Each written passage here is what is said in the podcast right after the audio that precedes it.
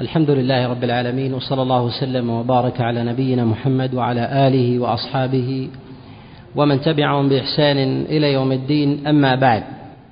فإن الله جل وعلا قد جعل الخلق على مراتب وجعل لهم درجات معلومة وذلك لأن ميزة الإنسان بقدر ما يتحقق فيه من فضل. ولهذا جعل الله سبحانه وتعالى الناس يتمايزون بقدر العلم والعمل. فمن تحصل لديه شيء من العلم ووافقه شيء من العمل بما علم فإن هذا له مرتبة بقدر ما تحصل له من النوعين. وفضل الله جل وعلا يؤتيه من يشاء في هذين البابين أي باب العلم وباب العمل. والموفق من أراد الله جل وعلا به خيرا فوفقه للعلم. ولهذا قال النبي صلى الله عليه وسلم كما جاء في الصحيح من حديث معاوية من يرد الله به خيرا يفقهه في الدين وإنما أنا قاسم والله يعطي.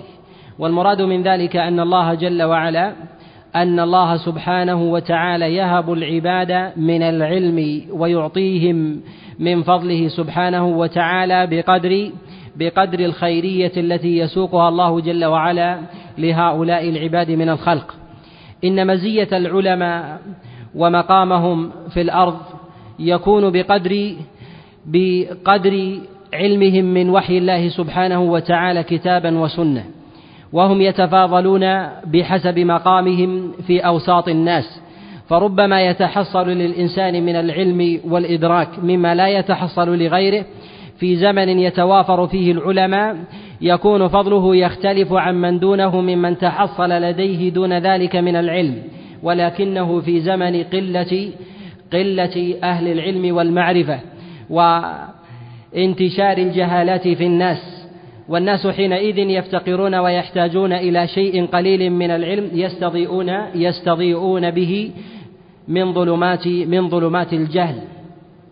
العلم وفضله من أراد أن ينظر إليه يعلم أن ما جاء في نصوص الكتاب والسنة من بيان فضله ومقداره على وجه العموم كاف في السعي إلى تحققه في الإنسان. ويكفي في ذلك أن الله سبحانه وتعالى أمر نبيه أن يسأله زيادة في العلم. والله جل وعلا لم يأمر نبيه عليه الصلاة والسلام أن يسأله زيادة في شيء من أمر الدين والدنيا إلا العلم. فقد قال الله جل وعلا في كتابه العظيم وقل رب زدني علما. والزيادة في هذا العلم هو علم الآخرة علم الدين. ولهذا إذا أطلق العلم في كلام الله جل وعلا وكلام رسول الله صلى الله عليه وسلم فالمراد به هو العلم بكلامه سبحانه وتعالى وكلام رسول الله صلى الله عليه وسلم. والدليل على ذلك ما جاء في الصحيح. وغيره من حديث أبي هريرة قال عليه الصلاة والسلام العلماء ورثة الأنبياء.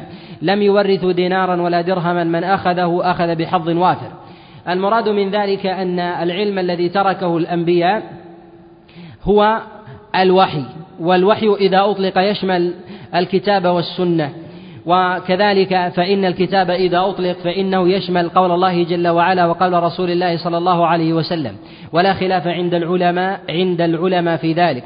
والعالم يتعلم العلم لكي يقرب من الله جل وعلا لا ليتحقق له نصيب من من الدنيا. ولهذا يقول الله جل وعلا مبينا هذه الغاية في كتابه العظيم إنما يخشى الله من عباده العلماء. وذلك أن العالم كلما تحصل لديه شيء من العلم قرب من الله بعمله ذلك وكذلك ببلاغ ما لديه من العلم. فعظم أجره وثوابه عند الله سبحانه وتعالى بقدر ما تحقق فيه من علم وبقدر ما بلغ غيره ذلك العلم فإن العاملين به يكثرون ويكون ذلك في ميزانه عند الله جل وعلا. كما قال رسول الله صلى الله عليه وسلم من سن في الإسلام سنة حسنة فله أجرها وأجر من عمل بها إلى قيام الساعة. وهذا في حال وهذا في حال تبليغ العلم. ولهذا كان العلماء عند الله جل وعلا على منزلة رفيعة يحشرون مع الأنبياء والصديقين والشهداء وذلك لأنهم يقترنون بهم من وجوه متعددة. من أعظم هذه الوجوه أن العلماء أقرب الناس شبها بالأنبياء لتحقق ذلك الأمان والوصف فيهم بخلاف غيرهم. وإن كان قد يوجد في بعض الناس من تحقق الأمان وتحقق الخشية في الله جل وعلا وإن كانوا على جهالة بتوفيق من الله سبحانه وتعالى نادر. ولهذا الإمام أحمد عليه رحمة الله تعالى لما انتقد عنده معروف قال عليه رحمة الله لما قيل له ما أقل إنه قليل الفقه قال وهل يراد من الفقه إلا ما وصل إليه معروف؟ يعني أنه قد توصل إلى خشية الله جل وعلا والتعبد والتعبد له بغير بغير علم وهذا ما يسعى إليه العلماء ولكنه في الأغلب لا يتحقق للإنسان إلا على بينة وبصيرة. والله جل وعلا قد يسر العلم للناس وجعل علمه متضمن لكتابه سبحانه وتعالى. ولهذا جعل الله جل وعلا الكتاب محفوظ من أن تناله أيدي العابثين من التحريف والتأويل. وكذلك وكذلك أخذ الغايات النفسية والوصول إلى شيء من مطامع النفس أو مطامع الناس من متاع الدنيا الزائل حماه الله جل وعلا من أن يطمس على سبيل العموم فلا يتبصر الإنسان وحيا فلا يتبصر الإنسان وحيا إلا بهذا الحق الدائم. ولهذا قال الله جل وعلا في كتابه العظيم إنا نحن نزلنا الذكر وإنا له لحافظون. الله جل وعلا نزل الذكر على نبيه عليه الصلاة والسلام وجعله محفوظا وحفظه من الله سبحانه وتعالى هو حفظ بنوعين. هو حفظ الحروف وكذلك حفظ المعاني ولا يمكن أن ينال القرآن شيء من التحريف فينطمس ذلك على سائر سائر أهل العلم وإنما يبقى العلم في الناس ما بقي ما بقي أهل العلم ولهذا الله جل وعلا يقبض أهل العلم والمعرفة في آخر الزمان ثم يقيم الله جل وعلا القيامة على على الناس إذا كان في ذلك شرار الخلق. ولهذا قال النبي عليه الصلاة والسلام كما جاء في الصحيحين وغيرهما إن الله لا يقبض العلم انتزاعا ينتزع من صدور العباد ولكن يقبض العلم بقبض العلماء حتى إذا لم يبق عالما اتخذ الناس رؤوسا جهالا فسئلوا فأفتوا بغير علم فضلوا وأضلوا. وهذا يكون في آخر الزمان ويكون كذلك في قبل آخر الزمان بحسب البلدان. فقد يضمح العلم وكذلك ربما يزول في بلد من البلدان حتى لا يبقى فيها حتى لا يبقى فيها شيء من أنواع الخير بزوال بزوال العلماء منه. ولكن الخيرية موجودة في الأرض والناس مخاطبون بالارتحال والتنقل وطلب الحق كما أن الله جل وعلا طلب خير الخلق بعد أنبياء الله جل وعلا وهم الصحابة أن يهاجروا أن يهاجروا من مكة إلى المدينة طلبا للخير ودوامه وكذلك الأخذ من منبعه وهو محمد صلى الله عليه وسلم. إن الكلام على العلم ومراتبه والأدلة الواردة في ذلك في كلام الله جل وعلا مما يطول جدا. ومن نظر إلى ما جاء عن رسول الله صلى الله عليه وسلم في بيان الغبطة لمن تحقق لديه شيء من العلم وبلغه في الناس وهذا ما جاء عن رسول الله صلى الله عليه وسلم كما في الصحيحين وغيرهما من حديث عبد الله بن عمر في قول النبي عليه الصلاة والسلام لا حسد لا حسد إلا في اثنتين. وكذلك ما جاء عن رسول الله صلى الله عليه وسلم في بيان الأمان في هذه الأرض أن ذلك يتحقق في الناس بحسب قربهم من رسول الله صلى الله عليه وسلم. وهؤلاء الذين يقربون من النبي عليه الصلاة والسلام قد يقربون منه زمنا وقد يقربون منه اتباعا وهديا ومعرفة بما كان عليه النبي عليه الصلاة والسلام. ولكن الأغلب في أحوال الناس إذا قربوا من النبي زمنا كانوا أقرب له عليه الصلاة والسلام اتباعا. ولهذا قال عليه الصلاة والسلام كما في صحيح الإمام مسلم من حديث أبي موسى الأشعري عليه رضوان الله تعالى قال النبي عليه الصلاة والسلام في الخبر المشهور أنا أمنة لأصحابي فإذا ذهبت أتى أصحابي ما يوعدون أصحابي أمنة لأمتي فإذا ذهب أصحابي أتى أمتي ما توعد. المراد بهذا الأمان هو القرب من النبي عليه الصلاة والسلام والاهتداء بهديه وكذلك التسنن بسنة رسول الله صلى الله عليه وسلم ومعرفتها على سبيل التحقيق كما يريد عليه الصلاة والسلام. وهذا يتحقق في من جمع بين الأمرين قرب من النبي زمنا وكذلك أيضا قرب من قرب من الوحي الصادق بحسب ما يريده النبي صلى الله عليه وسلم. ولهذا أخبر عليه الصلاة والسلام أن الطائفة المنصورة والناجية في آخر الزمان هي من كان على ما كان عليه النبي عليه الصلاة والسلام وأصحابه. يعني مشابهة مما يدل على أنه لا يلزم من تأخر الإنسان زمنا تأخره كذلك في أبواب الفضل بالكلية عمن قرب من النبي عليه الصلاة والسلام زمنا وقرب من النبي عليه الصلاة والسلام هدى وإنما هذا يكون بحسب القرب من الله جل وعلا ومن رسول الله صلى الله عليه وسلم اتباعا.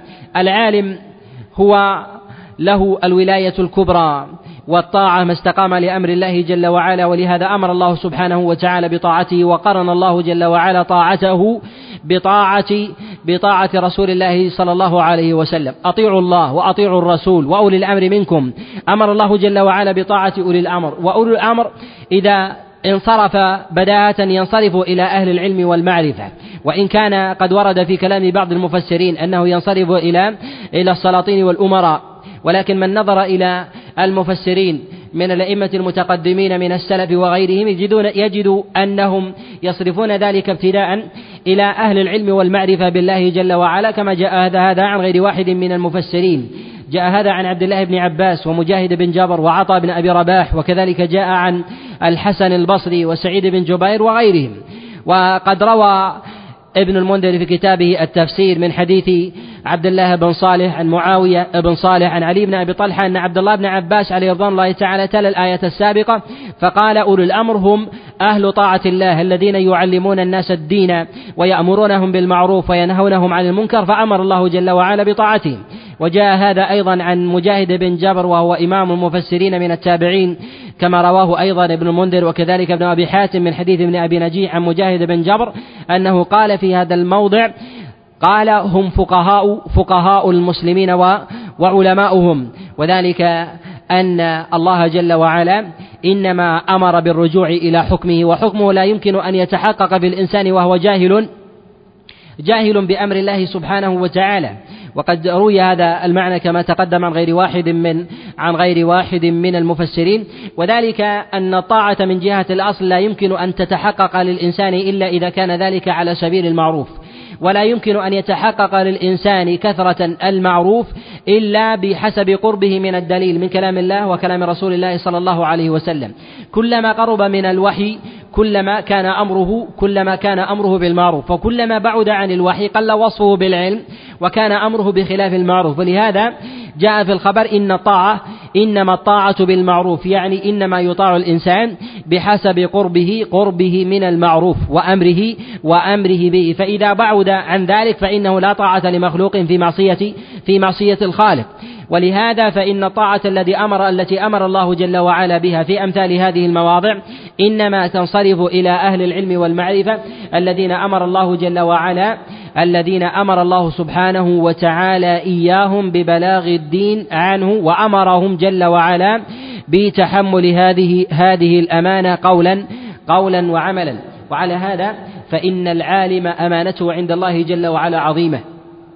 من جهة تحمل هذه الأمانة فحجته عند الله سبحانه وتعالى خطيرة وقامت عليه فإن الله جل وعلا كما أنه يرفعه بالقرآن. كذلك فإن الله جل وعلا ربما يضعه بالقرآن إن بعد إن بعد عن دين الله باعتبار أن الحجة قد قامت قد قامت عليه. وإذا قام بأمر الله سبحانه وتعالى وبلغ الدين والهدى والخير للناس كان من أهل الحظوة عند الله جل وعلا والقربى وحشر مع النبيين والصديقين والصديقين والشهداء وكفى بذلك منزلة. إذا تحقق هذا علم أن ولاية العالم لا يمكن أن تنزع ما دام ما دام عالما. عالما مؤديا أمر الله جل وعلا بنوعيه قولا قولا وعملا. يجب مع ذلك أن يطاع عند أمره. ما اهتدى بهدي الله وابتعد عن الزيغ والضلال. وأخذ بسنة رسول الله صلى الله عليه وسلم.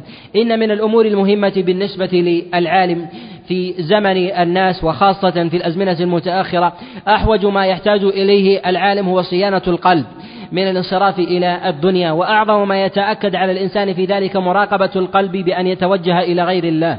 وذلك أن الإنسان لا يمكن أن يتعلق قلبه بالله سبحانه وتعالى على سبيل الدوام في الصغيرة والكبيرة إلا مع الإخلاص لله جل وعلا فيما دق مما لا حرج فيه. فإن الإنسان إذا وطن نفسه على الإخلاص لله جل وعلا وكذلك جعل العادات عبادات فإنه سيخلص من باب أولى فيما كان من الأمور من أمور العبادات المحضة. لهذا إذا راقب الإنسان نيته عند الله نيته في مراقبة الله جل وعلا عظم منزلة عند الله ولم يلتفت إلى أحد من الخلق على الإطلاق. وإذا انحرف بقلبه ولو شيئا يسيرا إلى غير الله جل وعلا كان إثمه عند الله سبحانه وتعالى عند الله سبحانه وتعالى أعظم.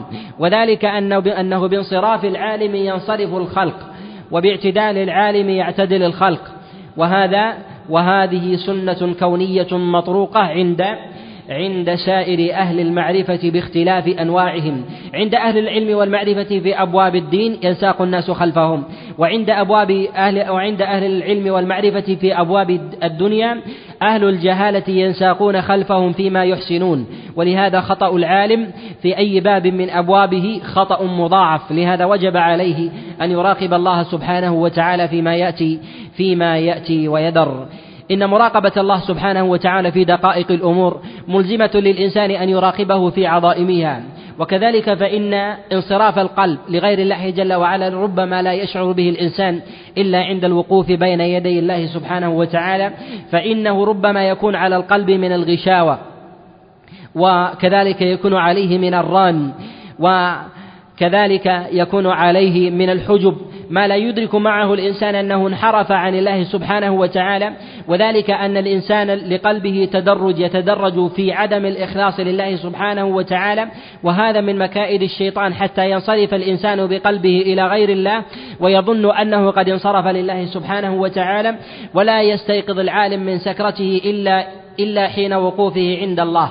وهذا قد ظهر فيما أخبر به النبي صلى الله عليه وسلم كما في صحيح الإمام مسلم من حديث سليمان بن يسار عن أبي هريرة أن رسول الله صلى الله عليه وسلم قال أول من تسعر بهم النار يوم القيامة ثلاثة وذكر منهم النبي صلى الله عليه وسلم وذكر منهم النبي صلى الله عليه وسلم رجل تعلم العلم فعلمه وقرأ القرآن فيقال له ماذا عملت به؟ فيقول يا رب تعلمت العلم وعلمته فيك وقرأت القرآن فيقال له كذبت. إنما علمت العلم ليقال عالم وقرأت القرآن ليقال قارئ فقد قيل ثم يؤمر به فيسحب فيسحب فيلقى في النار. من تأمل هذا الخبر الوارد عن رسول الله صلى الله عليه وسلم في قول ذلك الذي تعلم العلم يظن أنه لله ويوم القيامة لا مجال للمخادعة والمكابرة وإنما هي مكاشفة. فيتكلم الإنسان بما يظنه أنه غلب عليه أنه أراد أراد الله جل وعلا. فيقول تعلمت العلم فيك وبلغته فيك وقرأت القرآن فيك فيقال له كذبت. يعني أن أنه قد انطلع عليك شيء مما مما تدرجت فيه فانسقت وظننت أنك بلغت الدين وعلمته لله جل وعلا. فيتفاجأ حينئذ أنه إنه أنه إنما انصرف إلى إلى غير الله سبحانه وتعالى. لهذا الواجب على العالم أن يتجرد عند خوضه في, في مسائل الدين. وكذلك عند تنزيله لكثير من مسائل الدين أن يراقب الله سبحانه وتعالى متجردا عن حدود الدنيا اللازمة له وكذلك المتعدية إلى غيره. ألا يكن في ذلك شيء من حظوظ من حظوظ الدنيا. فإن الإنسان إذا أخلص لله سبحانه وتعالى كان له كان له الحظ الأوفر الأوفر في هذا. ومن أعظم حماية قلب العالم في ذلك أن لا ينصرف بقلبه إلى شيء من متاع الدنيا وأن يطلق بصره إلى شيء من إلى شيء من متاع الدنيا الزائل من الذهب والفضة.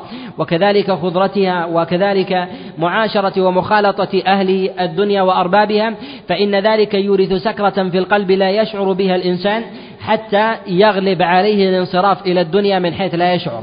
فإن الإنسان إذا مد بصره إلى الدنيا وأصبح ينظر إليها نظرة بعد نظرة يتمكن ذلك من قلبه حتى يكفر نعمة الله سبحانه وتعالى أو ربما إذا إذا تكلم في مسألة استحضر ما نظر إليه وأدام في بصره ذلك سواء من مال أو جاه أو سلطان أو عالم أو عوام الناس ونحو ذلك. فإن الإنسان إذا انصرف بقلبه إلى هذا أو أطلق بصره في ذلك أثر هذا على القلب. ومعلوم أن من أعظم منافذ منافذ الإنسان إلى قلبه وعقله هو البصر والمشاهدة. ولهذا قال النبي صلى الله عليه وسلم كما رواه الإمام مسلم من حديث أبي هريرة وكذلك رواه البخاري. قال لا تنظروا إلى من هو فوقكم وانظروا إلى إلى من هو دونكم حتى لا تزدروا. وجاء في رواية فإن ذلك أجدر ألا تزدروا نعمة الله. المراد من ذلك أن الإنسان إذا أطلق بصره فإن هذا يؤثر يؤثر على القلب بحسب المطلق المطلق إليه. فإن أطلق البصر إلى شيء من حظوظ الدنيا أثر ذلك في قوله وفعله من حيث لا يشعر. ولهذا أبواب المخالطة ينبغي أن يحترز منها العالم وطالب وطالب العلم فإن ذلك له أثر أثر عليه.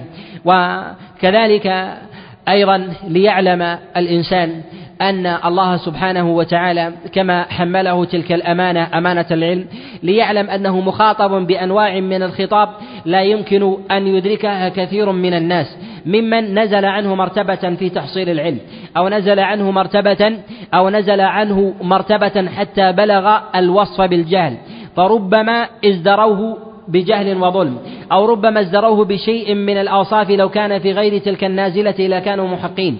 ولكنه قد وضع ذلك بميزان الحق فيما يراه عند الله سبحانه وتعالى فيما يراه عند الله سبحانه وتعالى حقا. إن أعظم الواجبات التي تجب على العالم أن يؤديها هو العمل باعتبار أن ذلك لازم من لوازم تحقق العلم. فإن العمل يسبق البلاغ. فإن الإنسان يتمكن من العمل بما علم قبل أن يتمكن قبل أن يتمكن من تبليغ الناس باعتبار أن العمل لازم في الإنسان.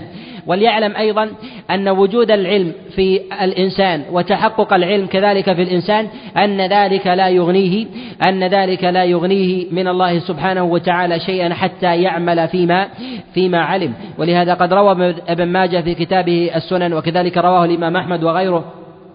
ورواه البخاري أيضا من حديث سالم بن أبي الجعد عن زياد بن لبيد أن رسول الله صلى الله عليه وسلم ذكر شيئا فقال ذاك يكون في زمن ذهاب العلم. فقال زياد بن لبيد لرسول الله صلى الله عليه وسلم كيف يذهب يا رسول الله العلم؟ ونحن نقرأ القرآن ونقرئه ونقرئه أبناءنا وأبناءهم. فقال رسول الله صلى الله عليه وسلم ثكلتك أمك يا زياد إن كنت لأظنك من أكثر أهل المدينة فقها.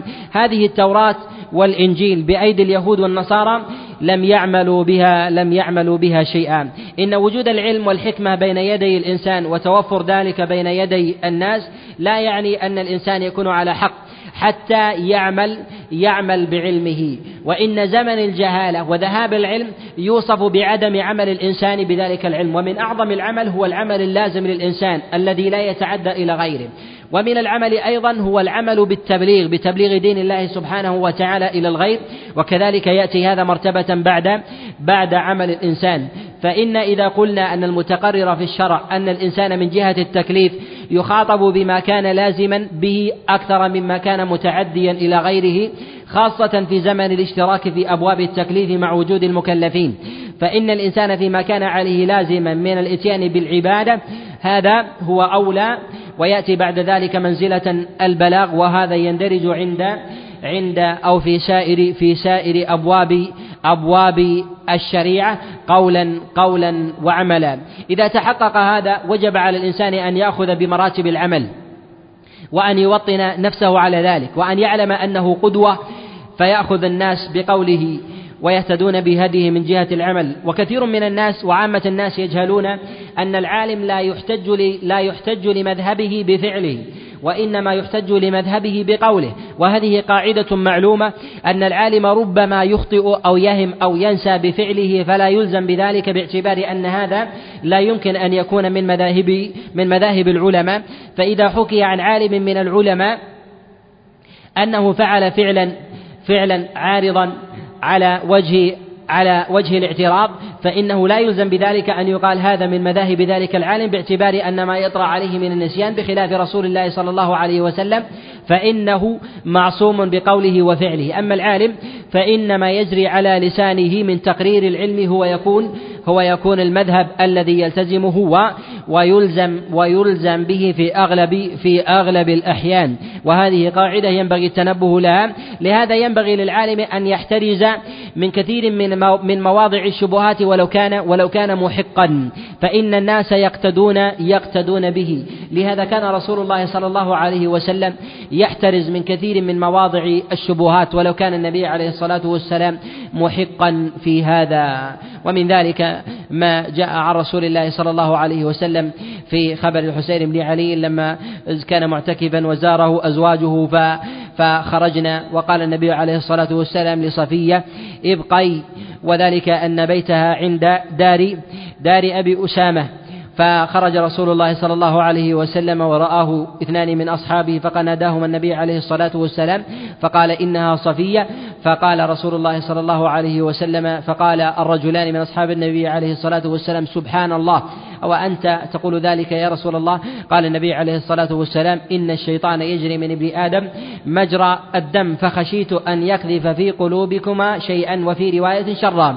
وهذا إنما كان من رسول الله صلى الله عليه وسلم. اتقاء للظنة ودفعا للشبهة مع كونه على حق. لهذا ينبغي للعالم أن يحترز من مواضع الشبهات. وذلك أن الناس يحملونه على ما يفهمون. وذلك أن العالم ينبغي أن ينظر إلى نفسه أنه عالم وأن الناس جهال وأن العالم يعرف حال الجاهل باعتبار أنه كان جاهلا قبل ذلك فتعلم فإن العالم أعلم بحال الجاهل من الجاهل بحال العالم. وذلك أن العالم كان جاهلا فيعرف حال الجاهل والجاهل لم يكن عالما قبل ذلك فيعرف حال العالم وعذره فوجب عليه أن يحتاط لنفسه احتياط العالم للعالم واحتياط العالم للجاهل وأن يحترز من ذلك احترازا احترازا تاما. والنظر في أحوال النبي عليه الصلاة والسلام وتتبع أقواله وهديه في بلاغه للناس و وكذلك في عمله بما أمره الله جل وعلا به أن يبلغ الناس. يجد من ذلك عجبا ويكفي أن الله سبحانه وتعالى قد جعل قدوة أهل الإيمان الحسنة هي برسول الله صلى الله عليه وسلم. ومن المهمات في حق العالم أن يحترز أن يحترز عند المخالطة لغيره من الناس. فإن المتحقق في بلاغ الدين للناس أن يخالط العالم الناس بخلاف الجهال. الله جل وعلا أمر أمر رسول الله صلى الله عليه وسلم ببلاغ الناس. والعلماء هم ورثة الأنبياء. يتوجه إليهم الخطاب كما يتوجه لرسول الله صلى الله عليه وسلم في الأمر والنهي. وذلك أن العلماء ورثة الأنبياء كما أنهم ورثوا ذلك الوحي من جهة الامتثال فإنهم يرثونه أيضا من جهة البلاغ ويرثونه أيضا من جهة العقاب عند التقصير وذلك أن عقابهم عند الله جل وعلا أعظم. إن العالم في بلاغه للناس يجب عليه أن يخوض أن يخوض في مجالس الناس ببلاغ الحق المجرد من غير خوض في مجالس المبطلين بالباطل أو سماع الباطل من غير من غير نكير وهذا يختلف فيه العالم عن الجاهل باعتبار أن العالم يعلم العلم ويأمر بالمعروف وينهى عن المنكر بخلاف العالم الذي أمره الله جل وعلا ألا يقعد مع المبطلين. ولهذا قال الله سبحانه وتعالى فلا تقعدوا معهم حتى يخوضوا في حديث غيره. والمراد من هذا عامة الناس الذين لا يسمع لهم أمر ولا نهي. وأما رسول الله صلى الله عليه وسلم وقدوته من العلماء كانوا يخالطون الناس حتى في نواديهم. ولهذا رسول الله صلى الله عليه وسلم كان يحضر في نوادي المشركين في مكة. فيأمرهم عليه الصلاة والسلام بالمعروف وينهاهم عن المنكر ثم يغادر عليه الصلاة والسلام من تلك من تلك المجالس. وذلك ينبغي للعالم أيضا مع حضوره لمجالس لمجالس أهل الباطل أن ذلك الحضور هو حضور بلاغ لا حضور استماع وتقرير وأن يعلم الناس قدر هذا النوع. فالله جل وعلا الذي أنزل على رسوله عليه الصلاة والسلام البلاغ يا أيها الرسول بلغ ما أنزل إليك فإن لم تفعل فما بلغت رسالته. أمر الله جل وعلا رسوله بالبلاغ وأمره أيضا بنهي الناس عن عن الخوض والقعود في مجالس المبطلين. وذلك أن خوض النبي في مجال أن خوض النبي عليه الصلاة والسلام في مجالس أهل الباطل يختلف عن خوض غيره ممن ممن يعتبره أهل الباطل أنداء لهم.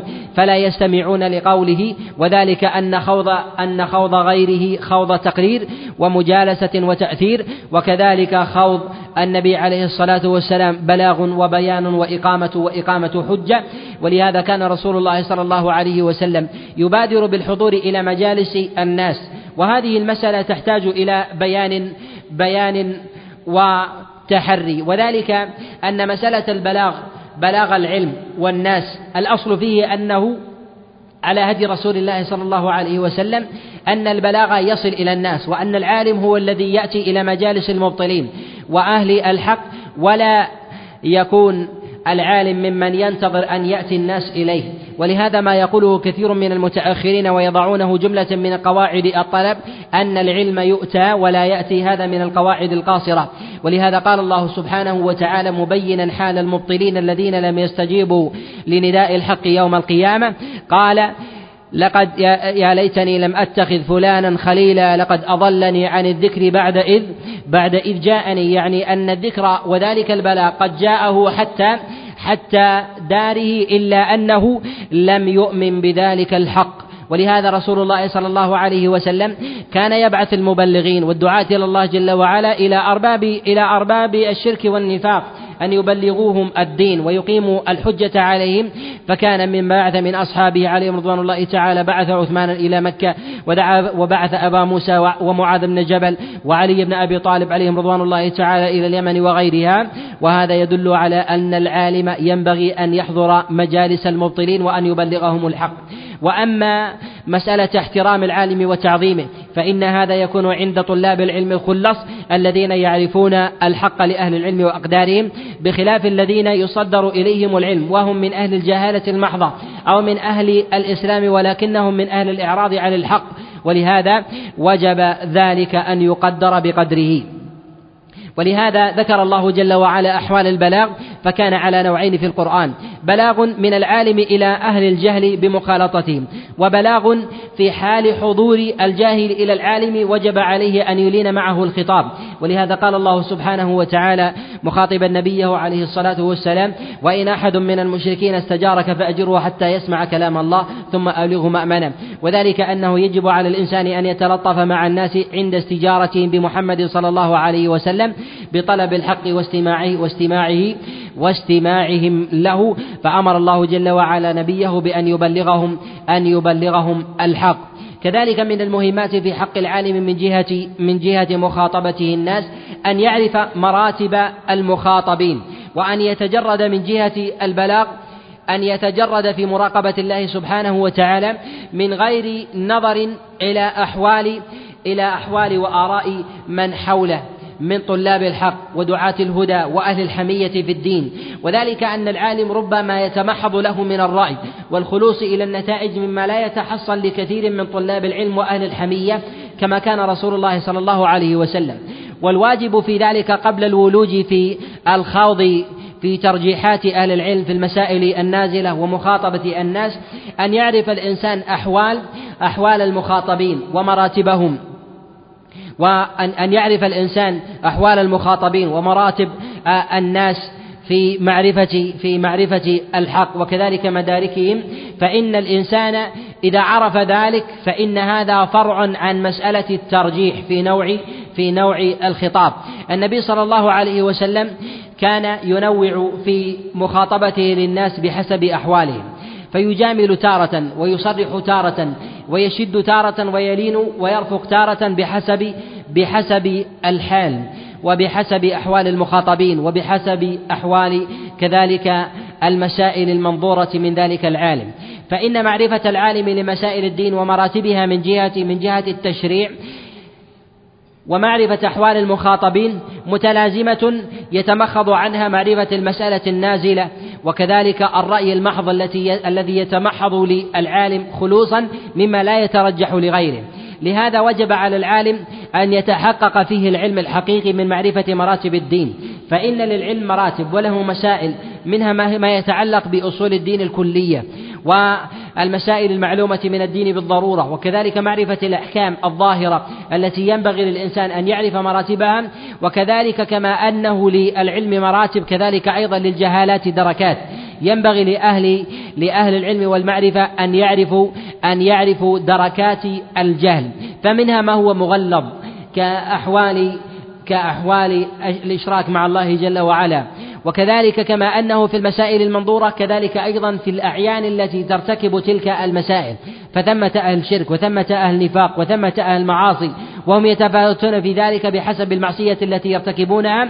كذلك في الناس من هم من أهل الشرف والسيادة ومنهم من, من هم أهل الضعة والتواضع. يجب على الإنسان أن يقدر لهؤلاء وهؤلاء معرفتهم. كذلك معرفة المسألة من جهة بلوغها للناس. فمن الناس من لم تبلغه الدليل ولو كان موغلا بالبطلان. يجب أن يتوجه إليه الخطاب بتوجه يختلف عن من بلغه الدليل.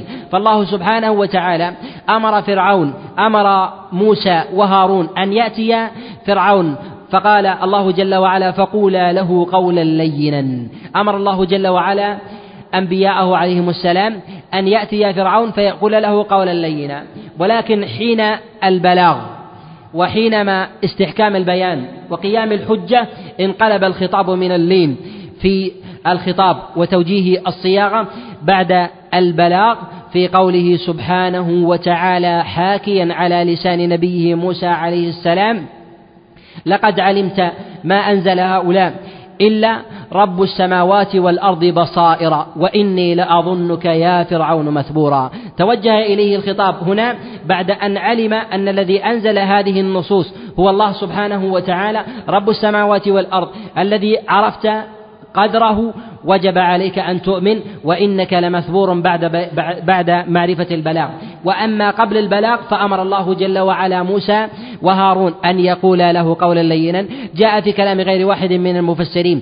أن يوصف ب أن أن يوصف بوصف يحبه وذلك بتكنيته أو يوصف بوصفه بالملك. ولهذا وصف الله سبحانه وتعالى أهل أهل الطغيان والبغي بأوصاف يحبونها كما يريدونها من أهل الدنيا. ولهذا وصف الله جل وعلا عزيز مصر بالعزيز مع كون هذا الوصف على سبيل الإفراد هو من أوصاف من من أسماء الله سبحانه وتعالى والعزة من صفاته سبحانه وتعالى. فأنزلها الله جل وعلا بالقدر الذي يليق بالعباد على حسب تبادل تلك الصفات مما يليق بهم ضعفا على حسب أحوالهم والوصف الأكمل في ذلك هو حق لله سبحانه وتعالى. فينبغي للعالم أن يوجه الخطاب للأشخاص بحسب بحسب أحوال الخطاب وحسب الزمان. وذلك أن الخطاب لا يتوجه للناس على الدوام باختلاف تنوع تنوع بتنوع الأفراد وإنما بحسب المسائل وبحسب كذلك درجة البلاغ وكذلك بحسب الناس يلين الإنسان معهم. وهذه من السياسة التي ينبغي أن يتحلى بها العالم في نظرته للناس. العالم مهما بلغ من المعرفة بعلم بعلم الله جل وعلا وعلم رسول الله صلى الله عليه وسلم من الوحيين كتابا وسنة يجب عليه أن يعمل وأن يعمل سياسة المداراة مع الناس واللين والحكمة. وذلك أن العالم لا يمثل نفسه وإنما يمثل يمثل دين الله حكمة وبلاغا وسياسة وحنكة.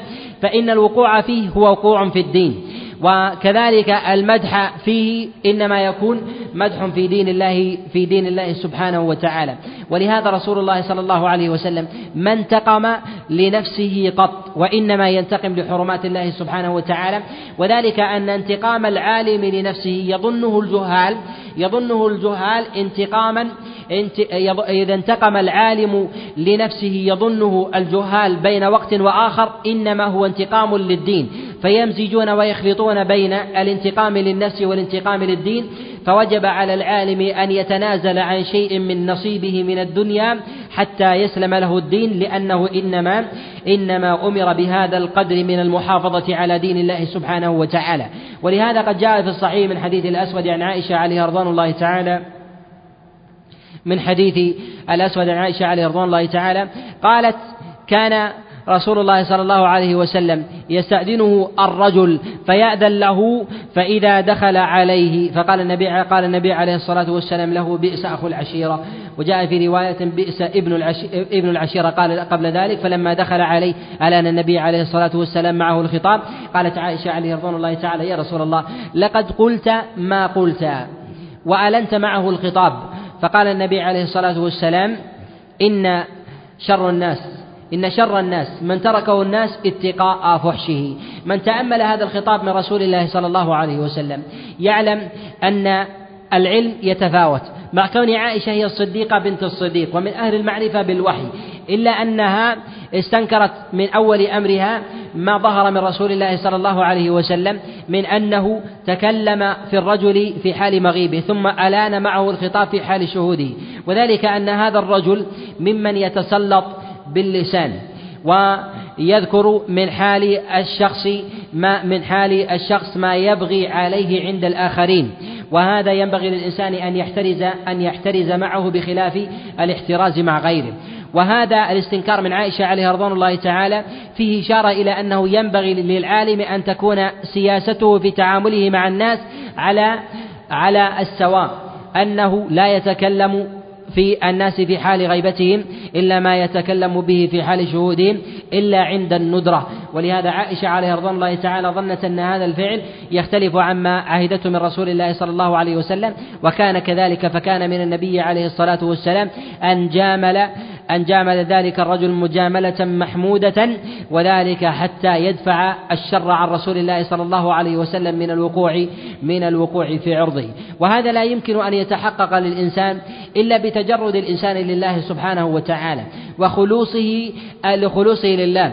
والنبي عليه الصلاة والسلام لم يبلغ هذه هذه المنزلة بمعرفة هذه هذه هؤلاء الناس ومعرفة كثير من مسائل العلم وأفرادها وتنزيلها على كثير من أفراد الناس إلا بالالتجاء إلى الله جل وعلا أن يوفقه للحق والصواب. ولهذا كان النبي عليه الصلاة والسلام يدعو الله جل وعلا أن يرشده إلى طريق الحق والصواب فإن سؤال الله جل وعلا الدلالة على الرشد والسلامة من الغي إشارة متضمنة إلى الاعتراف بالتقصير وأن الإنسان متجرد من الصواب ما ابتعد توفيق الله سبحانه وتعالى منه.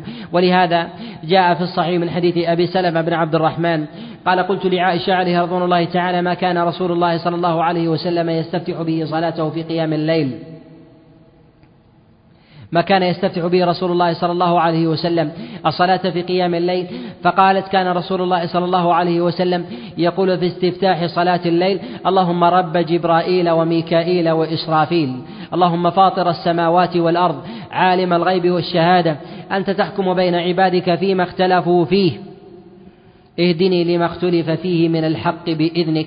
إنك تهدي من تشاء. إنك تهدي من تشاء إلى صراط مستقيم. في قول النبي عليه الصلاة والسلام وتضرعه لله جل وعلا أن يهديه لما اختلف فيه من الحق. هذا الخلاف هو خلاف بأنواع المعارف والأصل في ذلك أن النبي عليه الصلاة والسلام يأخذ العلم من الله سبحانه وتعالى. ولكن المراد بهذا الخلاف الذي يكون من أحوال الناس بمعرفة مراتبهم. وأحوالهم وكذلك مراتب تنزيل الحق عند المفاضلة وكذلك معرفة دركات الشر عند دفع الشر الأعظم بارتكاب بارتكاب الأدنى. هذا لا يمكن أن يتحقق للإنسان إلا لمن كان ينظر بنور الله سبحانه وتعالى. لهذا وجب على العالم أن ينظر إلى نفسه بالتقصير وأن ينظر إلى الله بالكمال وأن يتضرع لله جل وعلا حتى يحميه من وجوه النقص وأن يهديه لما اختلف فيه من الحق بإذنه. إن الله يهدي من يشاء إلى صراط مستقيم. وهذه تضرع لله سبحانه وتعالى بأسمائه وصفاته وتضرع لله جل وعلا بأعظم العباد والمخلوقات عند الله سبحانه وتعالى بعد أنبياء الله جل وعلا أفضل الملائكة وخير وخيرهم جبرائيل وميكائيل وإسرافيل وأعظم المخلوقات مشاهدة السماوات والأرض تضرعا لله سبحانه وتعالى حتى يهدي الله جل وعلا نبيه عليه الصلاة والسلام إلى هذا النوع وهذا القدر من من الخلاف. فكان النبي عليه الصلاة والسلام على عصمة من هذا الباب تامة أرشده الله جل وعلا إليه.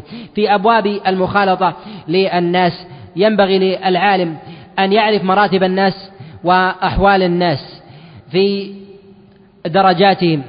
من أهل الخير وأن يعرف كذلك مراتب الناس من جهة الفضل حتى ينتقي العالم لنفسه الخلص من أهل المعرفة وأهل الصدق وأهل الديانة وأن يسبر أحوالهم. لهذا رسول الله صلى الله عليه وسلم كان يقرب الجميع ولكنه لا يتخذ بطانة إلا أهل الصدق والديانة والمعرفة والإخلاص. فكان من حول النبي عليه الصلاة والسلام أبو بكر وعمر وعثمان وعلي بن أبي طالب والعشرة المبشرون بالجنة من خيرة أصحاب رسول الله صلى الله عليه وسلم إلا أنه لسعة خلقه وإحاطته بسائر الناس كان يدني سائر الناس حتى من المنافقين كان يدنيهم عليه الصلاة والسلام لماذا؟ لأن النبي عليه الصلاة والسلام يريد للأمة الخيرية التامة فمن هؤلاء من هو صاحب شر محض تكفى به الأمة الأمة شرا. وهذا باب من الموازنة عظيم لا يدركه كل أحد.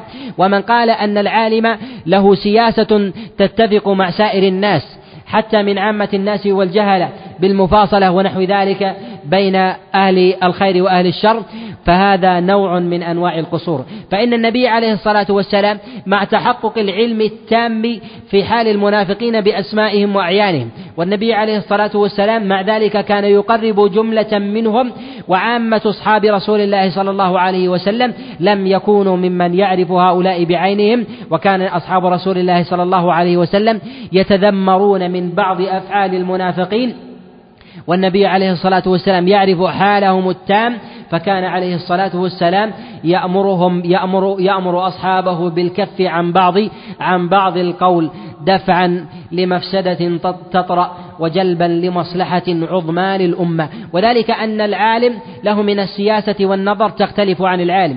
لهذا وجب على العالم أن يحتوي الناس. ويجب على العالم أيضا كاحتوائه للناس ألا يتخذ بطانة إلا من أهل الصدق والديانة مع تقريبه لسواد الناس يتخذ يتخذ بطانة أهل الصدق. لهذا من نظر إلى حال النبي عليه الصلاة والسلام وجد أنه لم يوصي لأحد بعده بالخلافة ولكن النبي عليه الصلاة والسلام فهم السواد الأعظم من أصحابه أن أقرب الناس له بطانة من أصحابه هو أولى الناس به كأبي بكر وعمر وعثمان وعلي بن أبي طالب عليهم رضوان الله تعالى. وذلك أن القرب له مزية فوجب على العالم أن يقرب أهل الصدق والديانة والمعرفة. لهذا يقول الإمام أحمد عليه رحمة الله كما جاء في كما جاء في مسائل ابن حامد قال ينبغي للرجل أن يسأل عن شهوده كل قليل فإن الرجل يتقلب من حال إلى حال. وهذا في حال الرجل من سواد الناس فكيف في العالم؟ فإن المشاهدة عند نزول الفتن يتغيرون من حال إلى حال لشدة عوارض الدنيا. التي تقلب الناس من حال إلى حال بحسب وفرة الفتن وفي وفرة الفتن في أزمنة الناس. وجب على العالم أن يسأل عمن كان حوله فإنهم يتقلبون من حال إلى حال. وهذا في زمن في زمن الإمام أحمد عليه رحمة الله وهو وإن كان زمن الفتن إلا أن الفتن ليست في أزمنتنا التي أشار إليه النبي عليه الصلاة والسلام في قوله يصبح الرجل مسلما ويمسي كافرا ويصبح ويمسي كافرا ويصبح مؤمنا يبيع دينه, دينه بعرض من الدنيا. إذا كان الرجل ينبغي أن يشهد عن شهود أن يسأل عن شهوده كل قليل.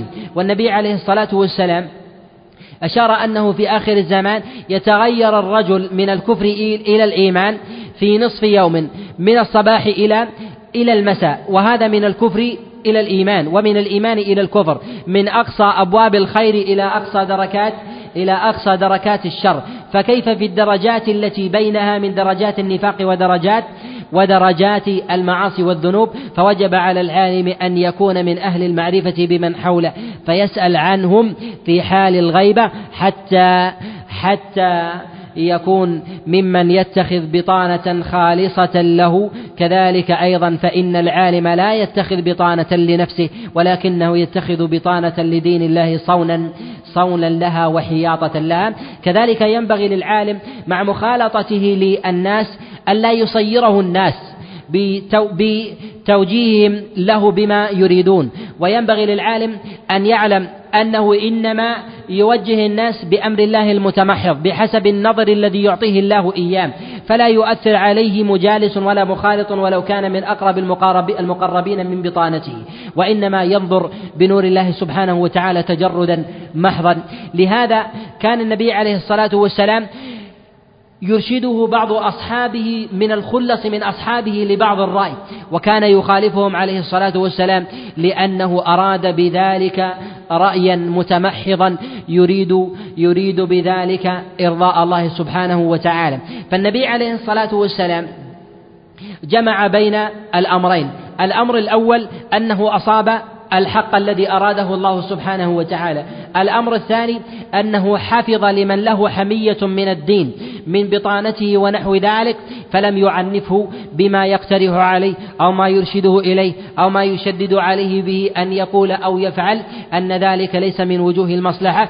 فيجد من أصحابه عليهم رضوان الله تعالى من يأخذ بظواهر الأحوال فيأمر رسول الله صلى الله عليه وسلم بشيء على أدب أو يرشده على شيء رآه من وجوه الإرشاد أو يستأذنه أن يفعل شيئا من وجوه الأوامر الشرعية على سبيل العموم لكن نوازل الأحوال تقتضي الإحجام عن ذلك. كما كان عمر بن الخطاب عليه رضوان الله تعالى يستأذن رسول الله صلى الله عليه وسلم في قتل بعض المنافقين. ووصف بعض بعض أصحاب رسول الله صلى الله عليه وسلم بالكفر فكان النبي عليه الصلاة والسلام لا يعنف صاحب الحمية من الدين ولكنه يخالفه بالقول وذلك أن الدافع لذلك هي حمية دينية ينبغي أن لا ينكر عليه في ذلك ولكن ينبغي للعالم مع عدم إنكاره أن يخالف فيما أن يخالف صاحب الحمية بما يريده يريده الله جل وعلا لأن العالم لديه من المعرفة والإدراك بخلاف من كان من كان دونه. وكذلك أيضا ينبغي للعالم ألا يؤاخذ شهوده بحسب حميتهم الطارئة عليهم في دين الله أو مخالفتهم في بعض الأحيان. فالنبي عليه الصلاة والسلام لم يخالف أصحابه مفاصلة حتى في أهلك الظروف التي تكون بينه وبين طوائف الشرك. فكان النبي عليه الصلاة والسلام أيام أبي جندل وأيام الحديبية يخالفه بعض أصحابه عليهم رضوان الله تعالى في بعض الرأي فيأخذ بغير قولهم عليه الصلاة والسلام. فيتبين لهم بعد زمن أن الحق مع النبي عليه الصلاة والسلام. ولهذا جاء في البخاري في حديث سهل بن حنيف عليه رضوان الله تعالى يقول اتهموا رأيكم في دين الله. والله لقد رأيتنا أيام لقد رأيتني أيام أبي جندل. لو استطعت أن أرد من أمر رسول الله صلى الله عليه وسلم شيئا لرددته ولكن هذا كان في مقام النبوة ولكنه في من دونه من في من دونه يجب الاحتياط. الاحتياط.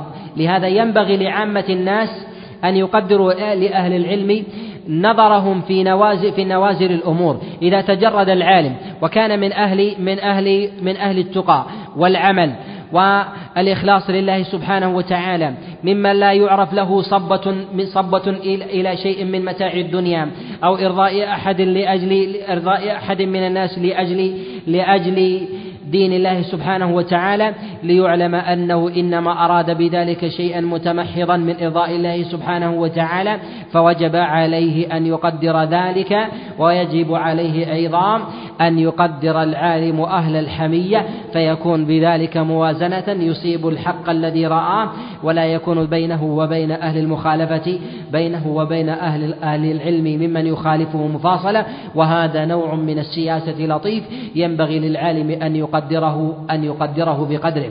كذلك ينبغي للعالم أن يعرف مراتب مراتب المخالطين المخالطين له. فإن هؤلاء المخالطين ممن يمثل العالم عند غيره وكذلك ممن يؤثر عليه عند نفسه فإنهم ممن يخوضون معه في الحديث فيؤثرون عليه في القول والفعل. وذلك ربما يكون دافعه حمية دينية. أو ربما يكون ذلك من الدخيل من أبواب الجهل فيقذفون بالجهالة ويظنون أنها العلم لهذا وجب على العالم أن يحمي نفسه من عوارض الجهل. وكذلك أن يحمي نفسه من عوارض الدنيا حتى لا يتكلم بباطل ويظن أنه قد تكلم قد تكلم بحق. إن العالم هو الذي ينظر إلى كثير من المسائل والنوازل بنظر الله سبحانه وتعالى وأن ينظر أن ينظر إلى المسائل بوجهين. الوجه الأول بإعمال النص الوجه الآخر بتقدير المسألة النازلة بحسب ما يتردد عليها من مصلحة ومفسدة ثم يقيم في ذلك الموازنة. إن الأصل في الشريعة هو إعمال النصوص والأصل في ذلك أن المصلحة تدور مع النص وجودا وعدما وهذا هو الأصل الغالب ولكنه ليس مطردا على الإطلاق. والأصل كذلك في المفاسد أن المفسدة تكون في مخالفة الدليل الوارد عن رسول الله صلى الله عليه وسلم لكنه في بعض الأحيان قد تكون المفسدة قد تكون المفسدة في إعمال الدليل لمخالفة النازلة لمخالفة النازلة لذات الدليل وموافقته لمصلحة عظمى قررها الشارع. لهذا وجب على العالم أن ينظر إلى مراتب الأدلة. فمراتب الأدلة أعظمها ما قرره الشارع من المصالح العظمى من حفظ الضروريات الخمس. والمصالح الدنيا هي النظر إلى الأدلة المجردة وكذلك يعرف العالم ذلك بحسب معرفة مراتب الناس وأحوالهم. لهذا رسول الله صلى الله عليه وسلم حمل النص وحرف كذلك مراتب المخاطبين. فإن العالم الذي يحمل النص ولكنه يكون من أهل الجهل بمراتب الناس المخاطبين ومعرفة كذلك المفاسد التي تؤول عند تنزيل بعض النصوص أن هذا نوع من القصور بل يكون نوع من الجناية. لهذا الأصل كما تقدم هو إعمال النص على الأغلب. والأصل أن المصلحة تدور مع الدليل وجودا وعدما لكنه في بعض الأحيان يجب على العالم أن يقصر في إعمال الدليل في بعض النوازل. وسواء كان ذلك في الأدلة من الأحكام أو كان ذلك فيما دونها من مراتب الأوامر والنواهي كان من أبواب الاستحباب أو كان ذلك من من أمور المنهيات مما يتعلق بمسائل بمسائل التنزيه. قد روى الإمام أحمد في كتابه المسند من حديث شعبة عن قتادة عن نصر بن عاصم عن رجل منهم جاء إلى رسول الله صلى الله عليه وسلم وأراد أن يبايعه على أن لا يصلي إلا صلاتين. لدينا في هذه المسألة إذا أراد الإنسان أن ينظر إليها من جهة النصوص لدينا نص عن رسول الله صلى الله عليه وسلم أن الله جل وعلا أمر بالإتيان بالصلوات. إن الصلاة كانت على المؤمنين كتابا موقوتا. وأمر الله جل وعلا بالركوع مع الراكعين والسجود مع الساجدين. وأمر رسول الله صلى الله عليه وسلم بالإتيان بالصلوات الخمس جماعة وأن من فرط في واحدة منها فقد ارتكب بغيا وظلما. ولهذا من أخر صلاة واحدة حتى يخرج وقتها فقد ارتكب كبيرة من كبائر الذنوب على الأقل وقد نص غير واحد من العلماء على تكفيره والمترجح أنه مرتكب لكبيرة من كبائر الذنوب. كما قال ذلك عمر بن الخطاب عليه رضوان الله تعالى وغيره. ولدينا مصلحة في ذلك راجحة وهي الحفاظ على بقية الحفاظ على شيء من دين هذا الرجل حتى لا ينقص عن الإسلام. فأقر النبي صلى الله عليه وسلم هذا الرجل على الإسلام على ألا يصلي إلا صلاتين وكان ذلك عام الوفود. وعام الوفود كان في آخر زمن رسول الله صلى الله عليه وسلم بعد استقرار الأحكام وثبوت وثبوت الأدلة وثبوت الأدلة أصولا أصولا وفروعا وأخلاقا. من أراد أن يعمل مثل الأدلة العامة الواردة والنصوص في كل قضية على الأغلب فإنه يوفق للصواب على الأغلب. ولكنه إذا استعملها على الاضطراد فإنه يخطئ في بعض النوازل ولأن العالم الحق ينظر بنور الله ويهتدي بهديه وهمه في ذلك أن يلحق الصواب أن يلحق الصواب الناس ويدركونه وأن يعرفوا الخطأ فإن الإنسان إذا دخل الإسلام مع إقراره بالصلوات الخمس لكنه لا يؤدي إلا صلاتين خير ممن لا يدخل الإسلام ويبقى على وثنيته. فإدراك أحوال المخاطبين هو فرع عن معرفة الصواب عن عن في إنزال في إنزال النصوص. ولهذا الإمام أحمد عليه رحمة الله كما ذكر القاضي بن أبي يعلى حينما جاءه رجل وحينما جاءه رجل وقال إن أبي أمرني أن أطلق زوجتي قال له لا تطلق قال إن عمر أمر ابنه عبد الله ابن عمر أن يطلق زوجته قال حتى يكون أبوك كعمر وذلك أن عمر بن الخطاب عليه رضوان الله تعالى حاله تختلف عن حال المخاطب فربما كان أبوه له حظ من حظوظ الدنيا فعمر بن الخطاب عليه رضوان الله تعالى من أهل الصدق فلا يأمر ابنه أن يطلق زوجته إلا لديه من العلم والمعرفة من خبايا أحوالها مما يريد أن يصون بيته وبيت ابنه مع ستر لها فأمره بطلاقها فطلقها بخلاف غيره من الناس من له حظوظ من نظر الدنيا. لهذا وجب على العالم أن يعرف مراتب الناس وألا ينظر وألا يأبه بأقوال الناس الذين يتهمونه بالاضطراب. تارة يفتي رجلا من الناس بقول وتارة يفتي رجلا بقول يختلف عن ذلك القول فهذا فهذا نوع من القصور ينبغي ألا يضر العالم وألا يجعله يحجم في كثير من المسائل النازلة التي التي ينزلها وهذا ينبغي معه في للعالم البيان والبلاغ. فإنه لا ينبغي للعالم أن يسلم عرضه للناس بل البيان وتقرير المسائل وبيان أحوالها ومراتبها حتى يفقه الناس. وينبغي أن يعلم أن إفتاء العالم في المسائل النازلة يختلف عن يختلف عن تقرير المسائل. تقرير المسائل ينبغي أن تقرر المسائل كما جاءت. وأما في الإفتاء في المسائل النازلة فإن الإنسان لا يفتي في مسألة إلا وقد نزلت. فإن المسألة إذا نزلت يتغير رأي العالم. فإذا قرر العالم مسألة من المسائل التي لم تنزل في زمنه إذا نزلت يضطرب ويقول ربما قولا يختلف يختلف عن قوله عن قوله ذاك. وذلك إذا نظرنا إلى أحوال السلف. وجدنا أنهم ينهون ينهون عن المسائل المفترضة التي لم تنزل بعد. وسبب نهيهم عن ذلك أن المسائل إذا نزلت كان لها وقع في النفس يختلف عن عنها في حال الافتراض. فربما يفتي فيها العالم قبل نزولها بقول يختلف حال حال نزولها. لهذا يجب على العالم ألا يتكلم في مسائل النوازل إلا إلا وقد وقعت. حماية للدين لأنه إذا تكلم في مسألة من مسائل النوازل وتكلم فيها ولم تنزل ولم تنزل قبل كلامه ذلك فربما إذا نزلت أو تكلم فيها عالم بعد ذلك احتج أهل العلم أهل المعرفة أو عامة الناس على ذلك العالم الذي تكلم بتلك المسألة بقول عالم سالف لم تكن تلك النازلة في زمنه. فضربوا قول عالم لم يتكلم في نازلة لم تنزل في زمنه فنزلت في زمن عالم آخر فاختلف قوله فيها والقول الحق في ذلك للعالم للعالم العامل المتجرد المخلص لمن نزلت في زمنه ويقدم على العالم العامل الذي تكلم في مسألة لم تنزل لم تنزل بعد ولهذا ينبغي للعالم أن يحترز في المسائل النوازل لماذا؟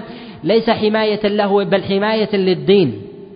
حتى لا يذم الدين ولا يتنقص أهل العلم والمعرفة ولو كان بعد ذلك لأن العالم لا يعيش لزمنه لزمنه فقط بل يعيش للأزمنة المتتالية. ولو جاءت ولو جاءت بعد قرون مديدة لهذا وجب على العالم أن يصون لسانه من الخوض في كثير من المسائل حتى لا تنقل عنه فيقدح في أهل العلم ويقدح في أهل الديانة وأهل المعرفة والصدق وينسب ذلك إلى أهل العلم.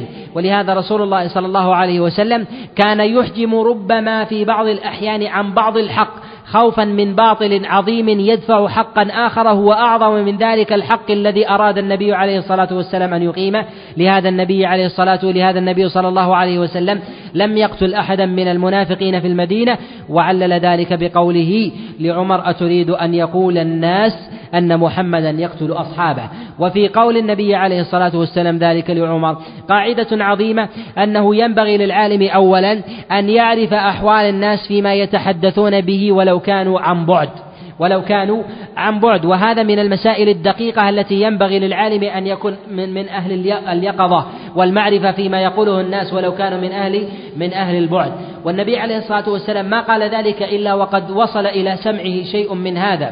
وهذا فيه فوائد جليلة يأتي الكلام عليها. فرسول الله صلى الله عليه وسلم درأ مصلحة قائمة بمصلحة عظمى تأتي وهي انتشار الدين خشية أن يدفع ذلك بمفسدة وهي أن ينتشر أن تنتشر مقولة باطل وتسري في الناس فتدفع مصلحة أعظم من إقامة تلك المسألة العينية.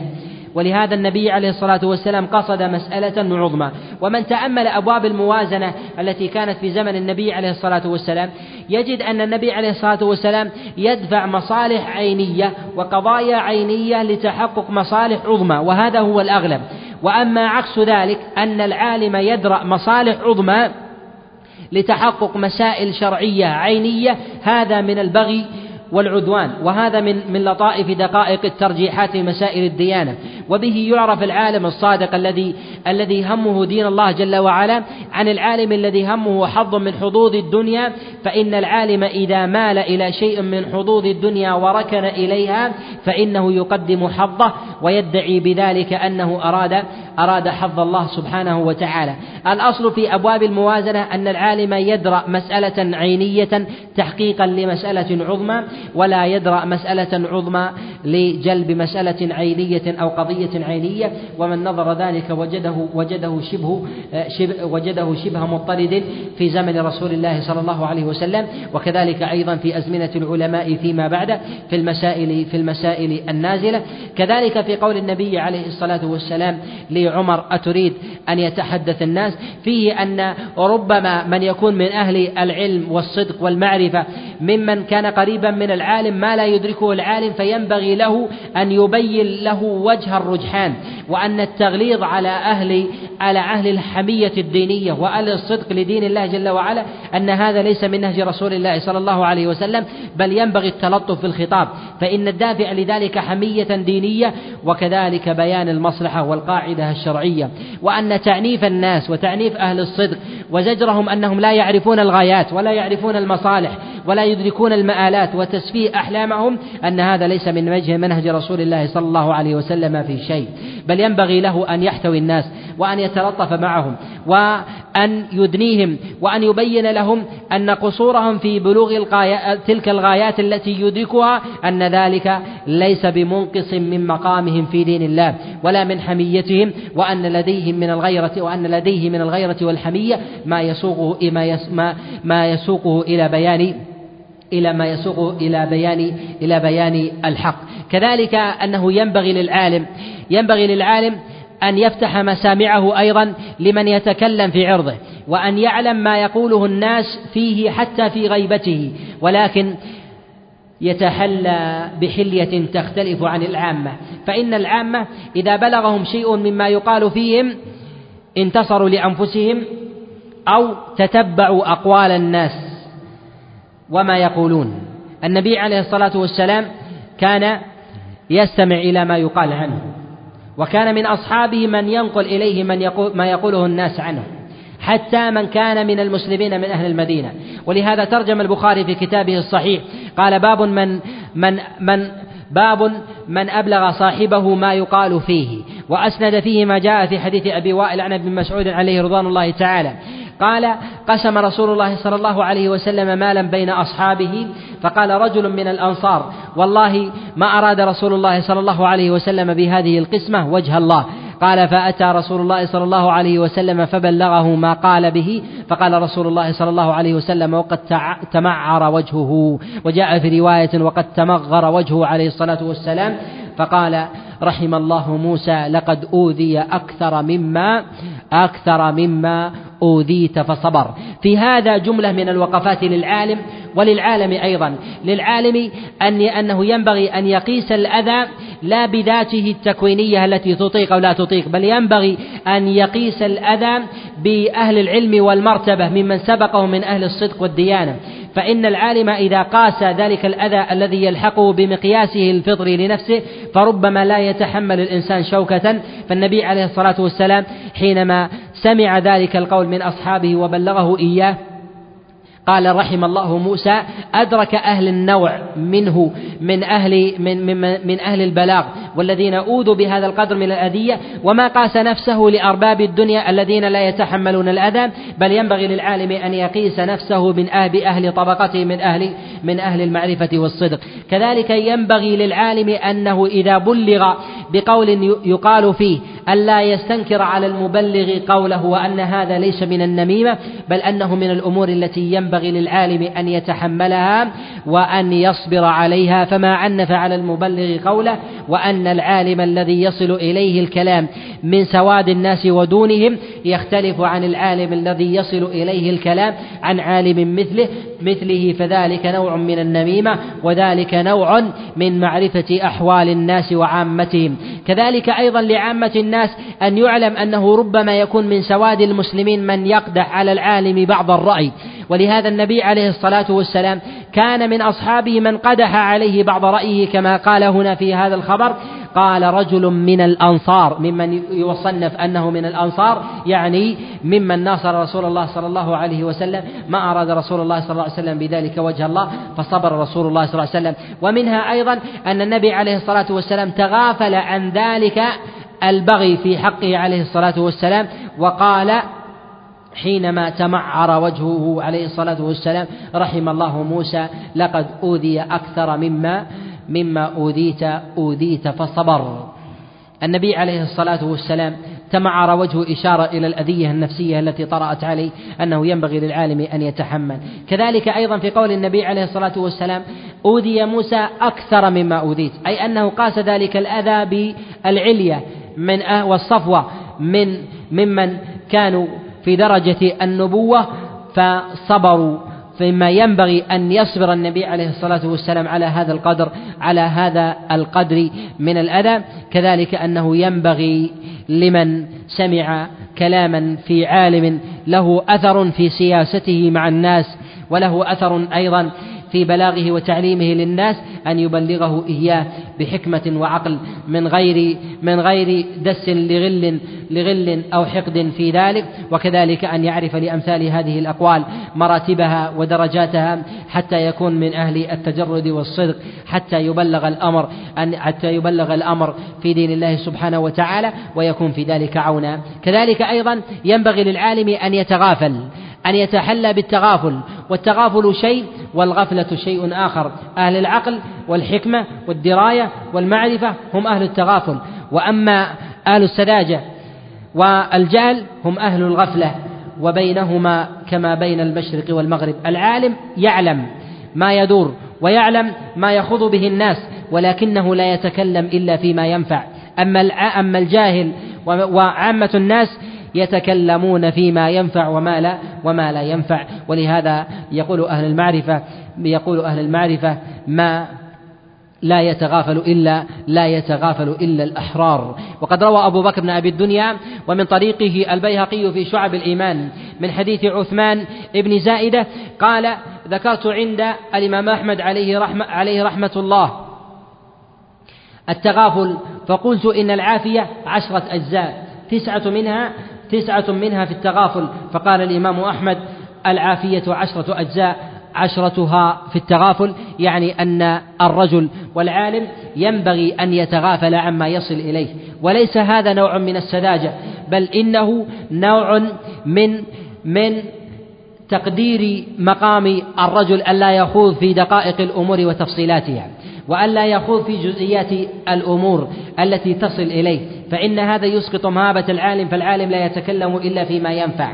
وكذلك أيضا فإن التغافل عن كثير مما يرد إلى العالم يحليه بالصبر فإن الإنسان إذا اعتاد أن يخرج كل ما يصل إليه من دقائق أخبار الناس وأذيتهم إليه وأحوالهم وما يخوضون في مجالسهم لم يكن من أهل التحلي في الصبر بل ينبغي على الإنسان أن يتجلد أن يتجلد بالصبر وأن يذكر ما يسليه. فإن النبي عليه الصلاة والسلام إذا كان يذكر من يسليه كموسى عليه السلام فينبغي لمن دونه أن يتذكر ما حصل ما حصل لمن هم أعلى منهم من الأنبياء والصديقين وغيرهم في سبيل الله جل وعلا فيتحلوا فيتحلوا في هذا الأمر. لهذا رسول الله صلى الله عليه وسلم كان يتحلى بالتغافل وعدم إثارة ما يبلغه من أحوال الناس. وإنما يبلغه الخاصة إليه من أصحابه وهذا فيه فيه إشارة إلى أنه ينبغي للعالم أن يتخذ بطانة وألا يتخذ من البطانة إلا أصحاب السر الخلص وأن أصحاب السر يقدمون بالإصرار إليهم عن أهل العلم والصدق من أهل البطانة والمعرفة. لهذا النبي عليه الصلاة والسلام يخص حذيفة بن اليمان وهناك من هو من هم أعلى منه في مقام الصديقية والصحبة. كأبي بكر وعمر وعثمان وعلي وغير من أصحاب رسول الله صلى الله عليه وسلم فكان أمير سر رسول الله صلى الله عليه وسلم لمعرفته بمقام السر الذي الذي يريد النبي عليه الصلاة والسلام حفظه. لهذا ينبغي للعالم أن يعرف مراتب شهوده في مقام السر ومقام العلم ومقام الدراية بأحوال الناس وكذلك معرفة مراتبهم والصبر والتجلد عند في ذلك وأن ينزل كل واحد منزلته فكله كل واحد منهم يخصه بحديث. ولهذا كان العالم يتغافل ويبدي شيئا ويكتم شيئا. ولهذا النبي عليه الصلاة والسلام كانت سياسته التغافل حتى مع أقرب الناس إليه وهم أزواجه كما في قوله جل وعلا عرف بعضه وأعرض عن بعض. يعني عرف شيئا وأعرض عن بعض وهذا نوع نوع من أنواع التغافل ولهذا قال الله سبحانه وتعالى ولا تيمموا الخبيث منه تنفقون ولستم بآخره إلا أن تغمضوا فيه. قال غير واحد من العلماء أن تغمضوا أبصاركم عن ذلك الذي قدم إليكم تغافلا وعدم تدقيق تدقيق فيه. ولهذا يقال أن أن الصحيح إذا إذا إذا رمدت عينيه فإنه يغمض عينيه حتى لا يسري الرمد في عينيه فيؤذيها فإن من الحكمة أن يغمض عينيه والغمض وإغماض العينين لمن أصابه الرمد خير من الإبصار وهذا نوع من التغافل في صحة البدن. كذلك فإن التغافل في صحة القلب والجسد والدين من الأمور المحمودة التي ينبغي للإنسان أن يصونها وأن يتعامل فيها بقدر بقدر الأمور بقدر الأمور التي يضعها العالم العالم في نصابها. ينبغي للعالم أن يعرف ما أن يعرف ما يدور فيه أهل العصر من معرفة مراتب طوائفهم. ومعرفة كذلك أهل الفرق والضلال ومعرفة أحوالهم. فلا يليق بالعالم أن يعيش في زمن ولا يعرف مراتب الناس الناس فيه. فالنبي صلى الله عليه وسلم كان يعرف مراتب الناس وكذلك يعرف أحوال المخاطبين ويوجه إليهم الخطاب بحسب مراتبهم.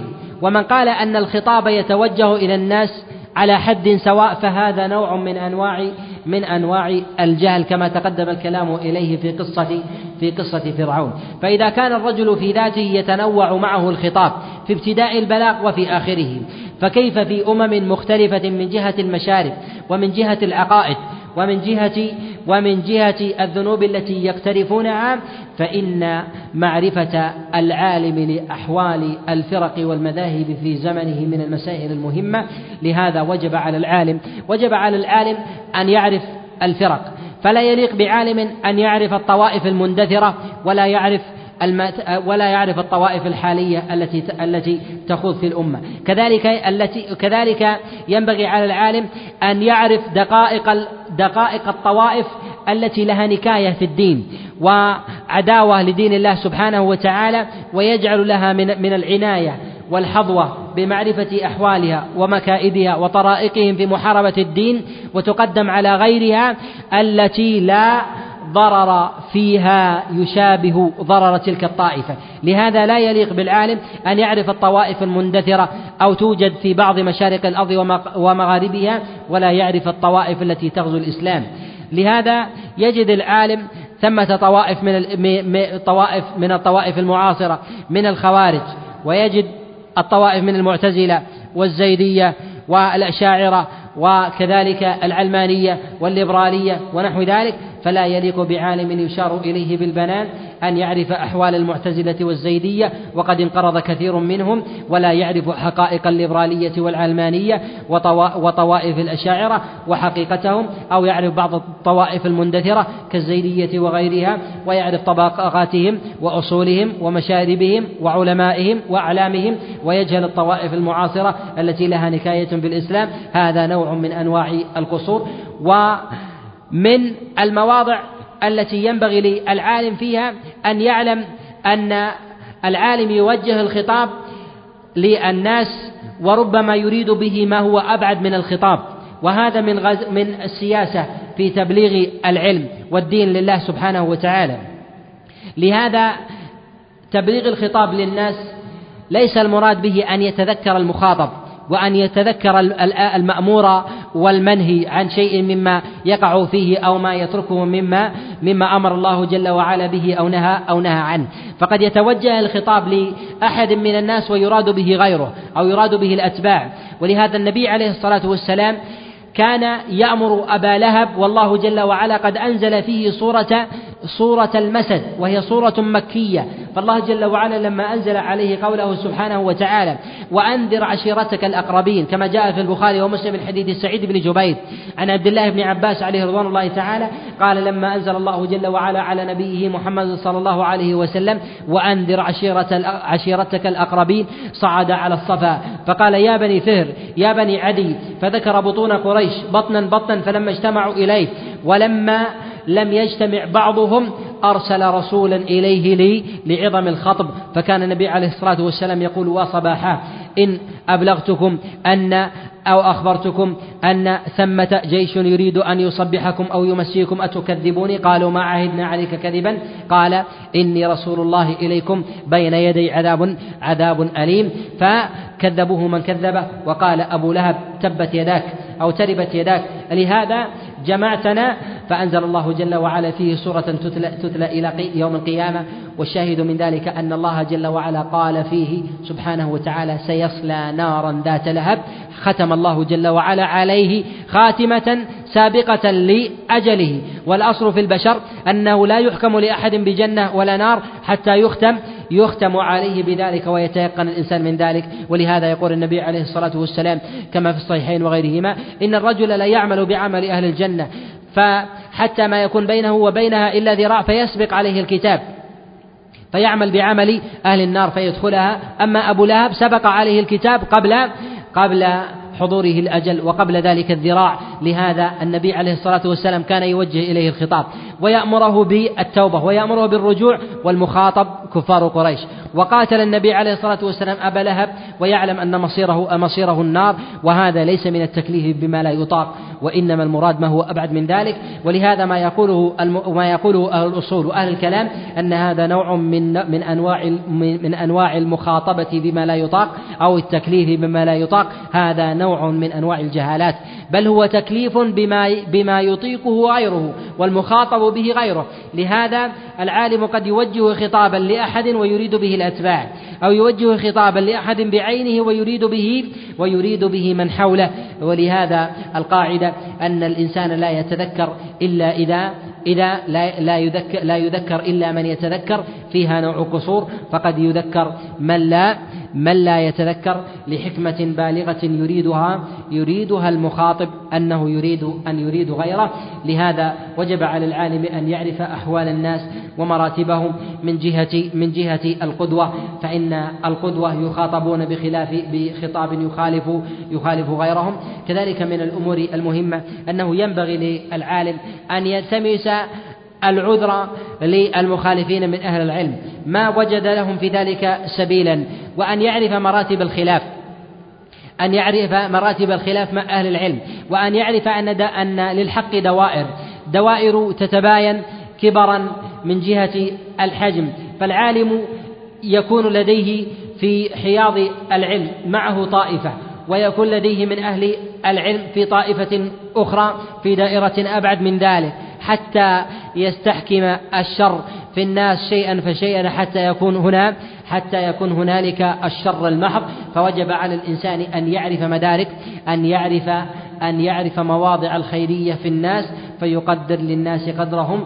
كما كان رسول الله صلى الله عليه وسلم يعرف للناس للناس قدرهم. ولم يكن النبي عليه الصلاة والسلام يعنف المقربين من أصحابه كأبي بكر وعمر وعثمان وعلي عند من فيه شر من المنافقين وغيرهم وإنما كان النبي عليه الصلاة والسلام يخصهم بعتاب ويخصهم بإعراض في يخصهم بإعراض بنوع من من أنواع الخصيصة. كذلك ينبغي للإنسان أن يدرك مواضع الزمان ومواضع المكان ومواضع الأشخاص ومواضع المسائل. هذه أمور أربعة إن توفرت للعالم من جهة الإدراك وفي كل باب فيها درجات متباينة كما كما بين أبواب العلم من تباين فالأزمنة تتفاوت وكذا تتفاوت من جهة الشر المستحكم فيها كذلك المسائل المنظورة تتفاوت من جهة إلزام الشارع بها وكذلك أيضا الأشخاص يتباينون من جهة قبولهم للحق وعدمه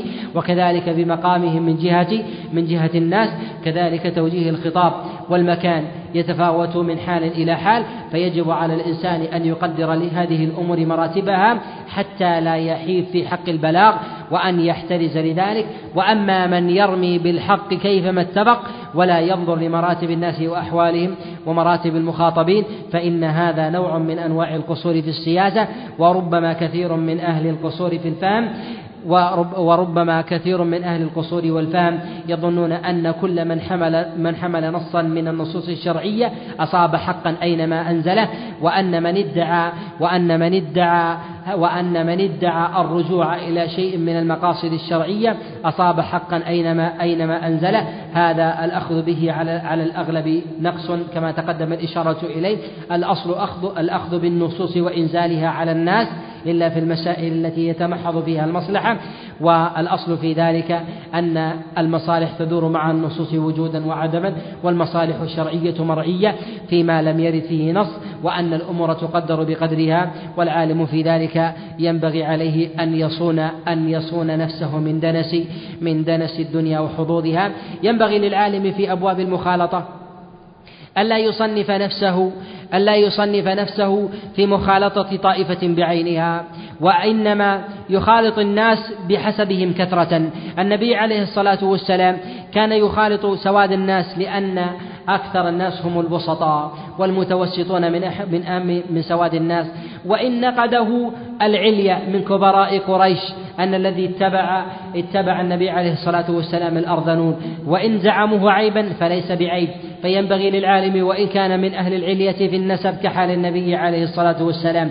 وإن كان من أهل العلية بالعلم كمقام النبوة عليه الصلاة والسلام ألا يأنف من مخالطة سواد الناس.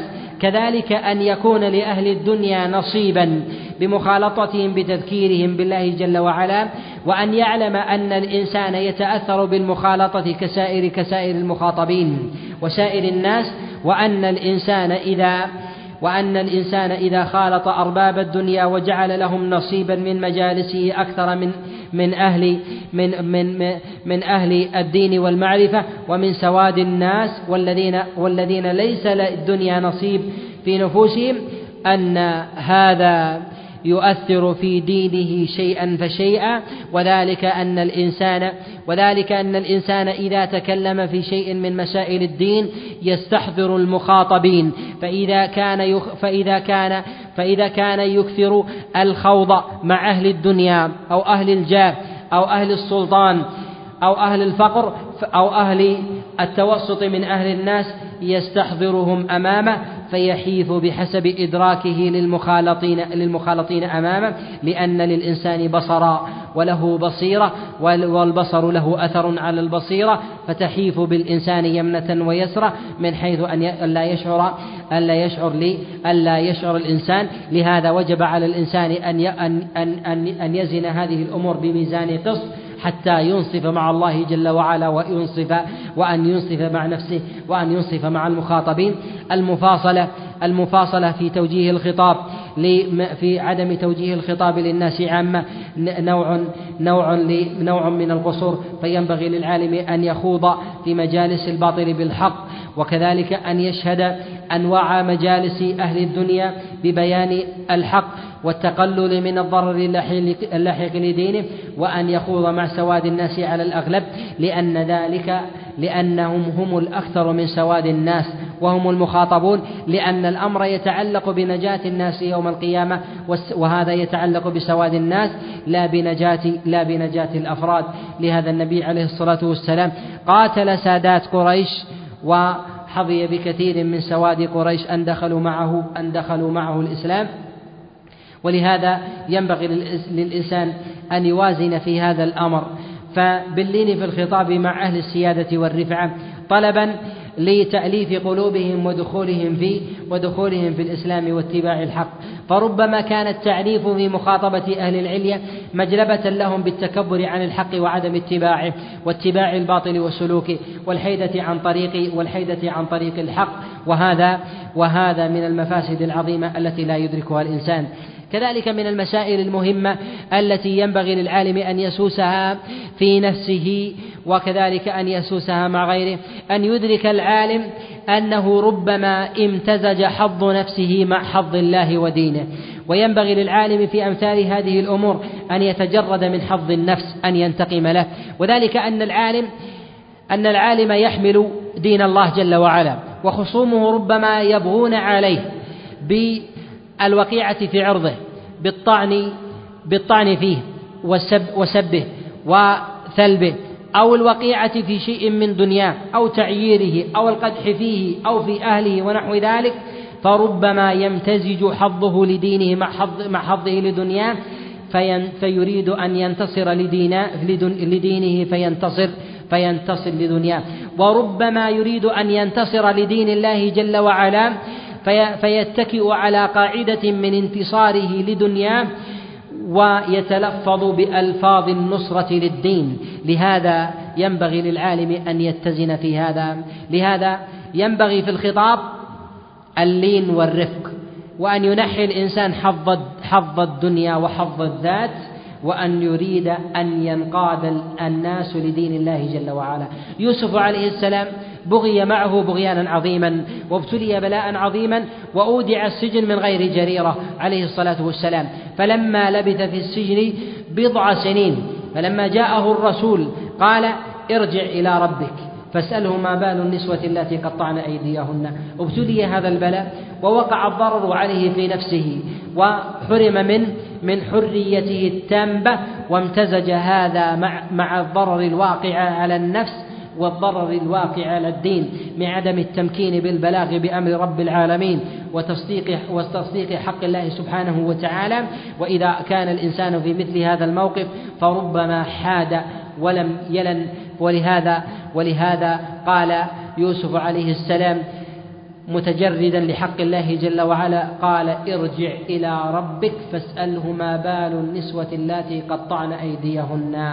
ما سب العزيز وما وقع في امرأته التي هي السبب في أذيته وإنما ألمح من بعيد لأنه يريد نصرة الحق. قال ما بال النسوة اللاتي قطعن أيديهن؟ وهؤلاء النسوة هن مدفوعات مكرهات.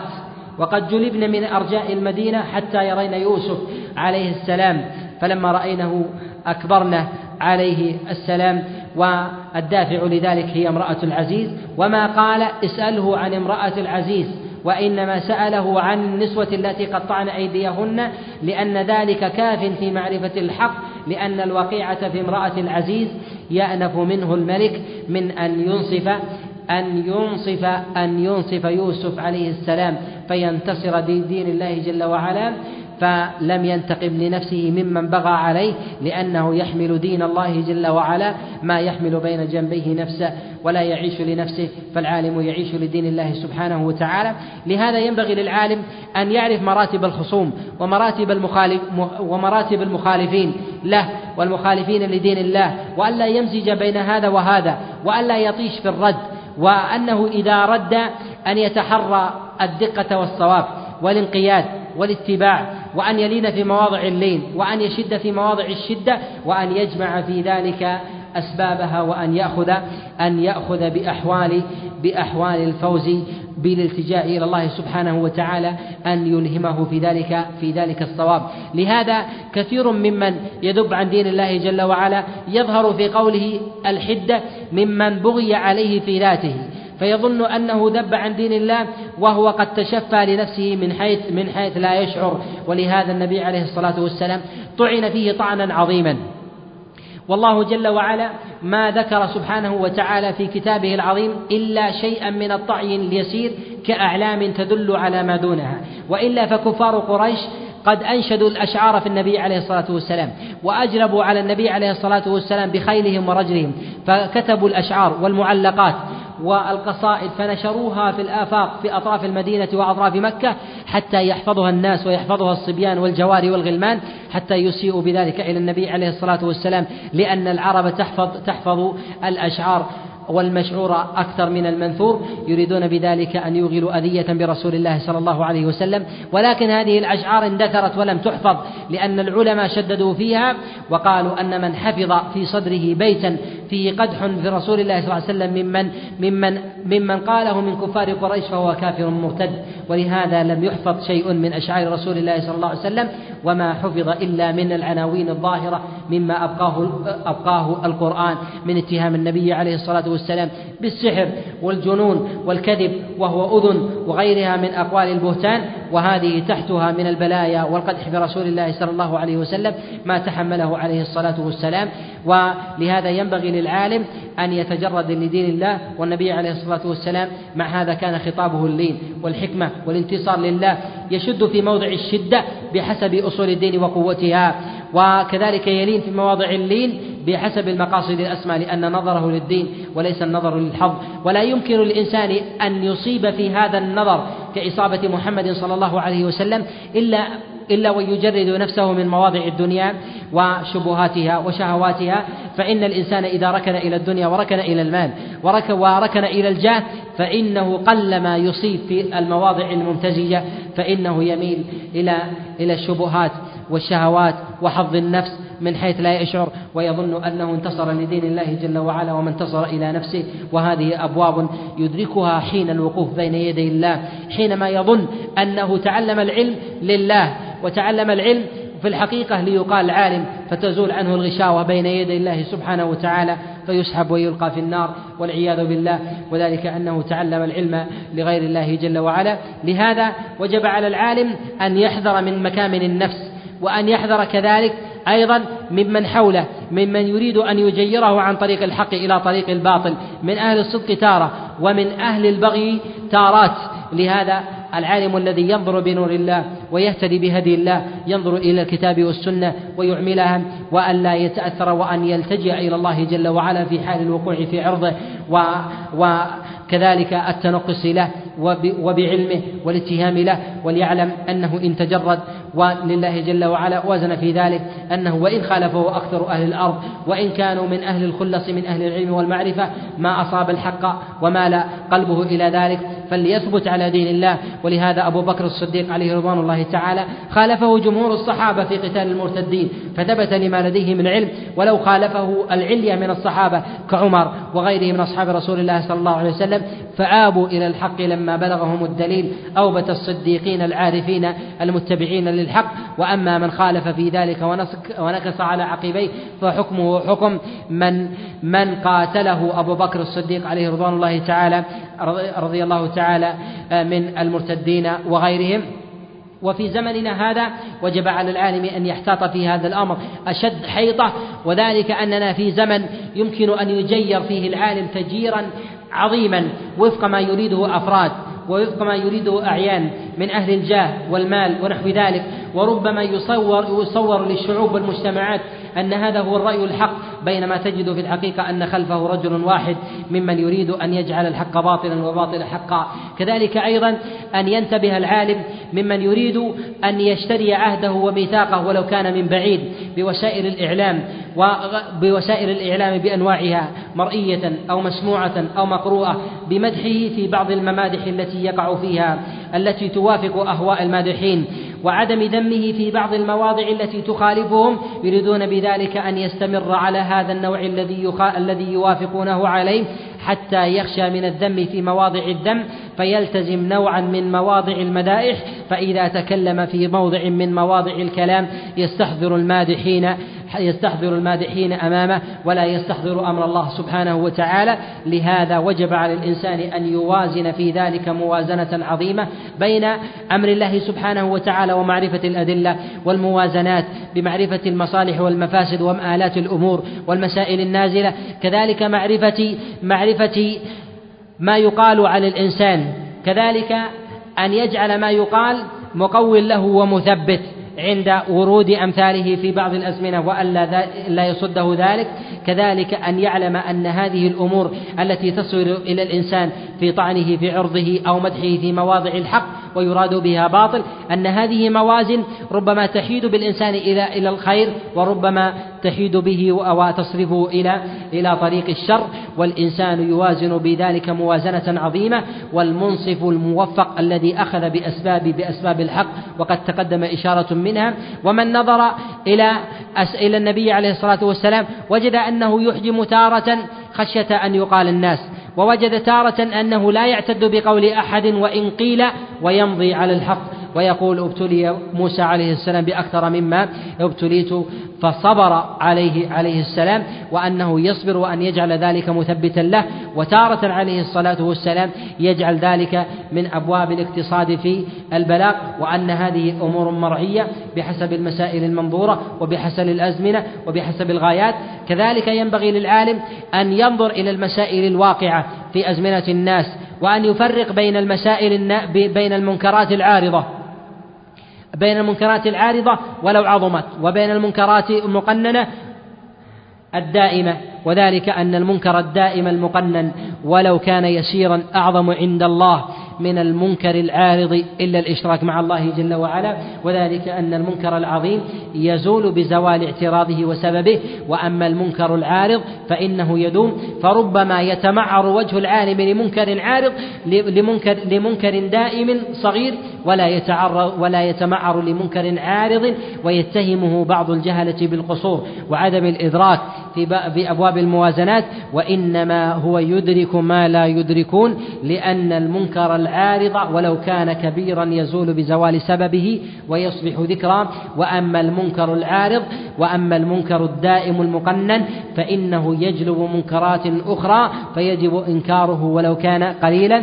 ولهذا الصغيرة تكون كبيرة بالدوام عليها والصغيرة يبنى عليها تبنى عليها الكبائر فيجب إنكارها ولو قلت ما استدام عليها الإنسان فإنها من الكبائر كما كما لا يخفى العالم في سياسته للحق ومعرفته للصواب في عالم الناس. له من ذلك طرائق ومراتب لا تتسق على نسق واحد والإنسان يعرف الصواب إن التجأ إلى الله وتجرد في أبواب الحق وصدق مع نفسه وصدق مع الله وعرف الدين ومراتبه وعرف أحكام الشريعة وتضرع لله وأكثر من العبادة وقل من قلل من الدنيا ولم يلتجئ إليها. الدنيا وتلبس العالم فيها باب دقيق لا يحسنه إلا من وفقه الله جل وعلا. من نظر إلى النصوص من كلام الله جل وعلا وجد أن الله جل وعلا لم يقدح ولم يسب الدنيا لأجل الدنيا وإنما يسب الدنيا إذا كانت سببا في زوال حظ الآخرة. سببا في زوال حظ الآخرة.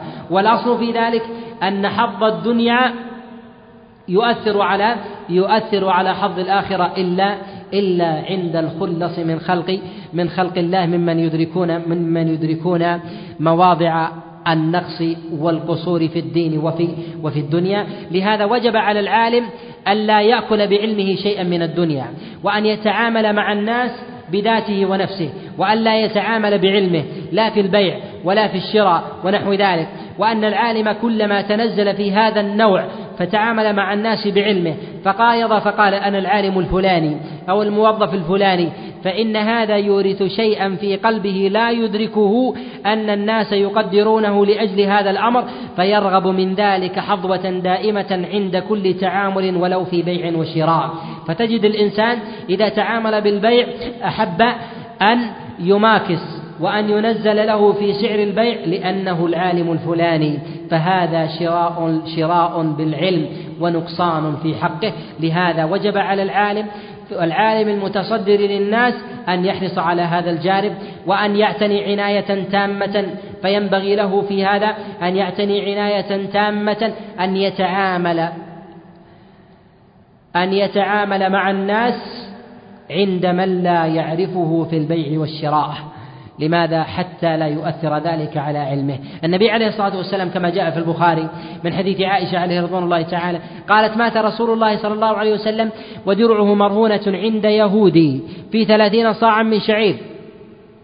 النبي عليه الصلاة والسلام مات ودرعه مرهونة عند يهودي. كثير من الناس ينظر إلى هذا الباب من أبواب تقشف رسول الله صلى الله عليه وسلم وإعراضه عن الدنيا ولا ينظر إليه من باب آخر وهو أن النبي عليه الصلاة والسلام تعامل مع يهود مع وجود التجار والعلية وأهل الغنى واليسار من أصحابه. لما؟ لأن النبي عليه الصلاة والسلام إن تعامل مع أصحابه عليهم رضوان الله تعالى ربما نقصوا في حقهم لأجله فبخسهم حقه مع عصمته عليه الصلاة والسلام من مجاملتهم في دين الله. والعالم في هذا يصون نفسه ويصون غيره. يصون نفسه من أن يتعامل الناس له لأجل علمه فيبخسوا أنفسهم فيقصر ذلك في حقوقهم.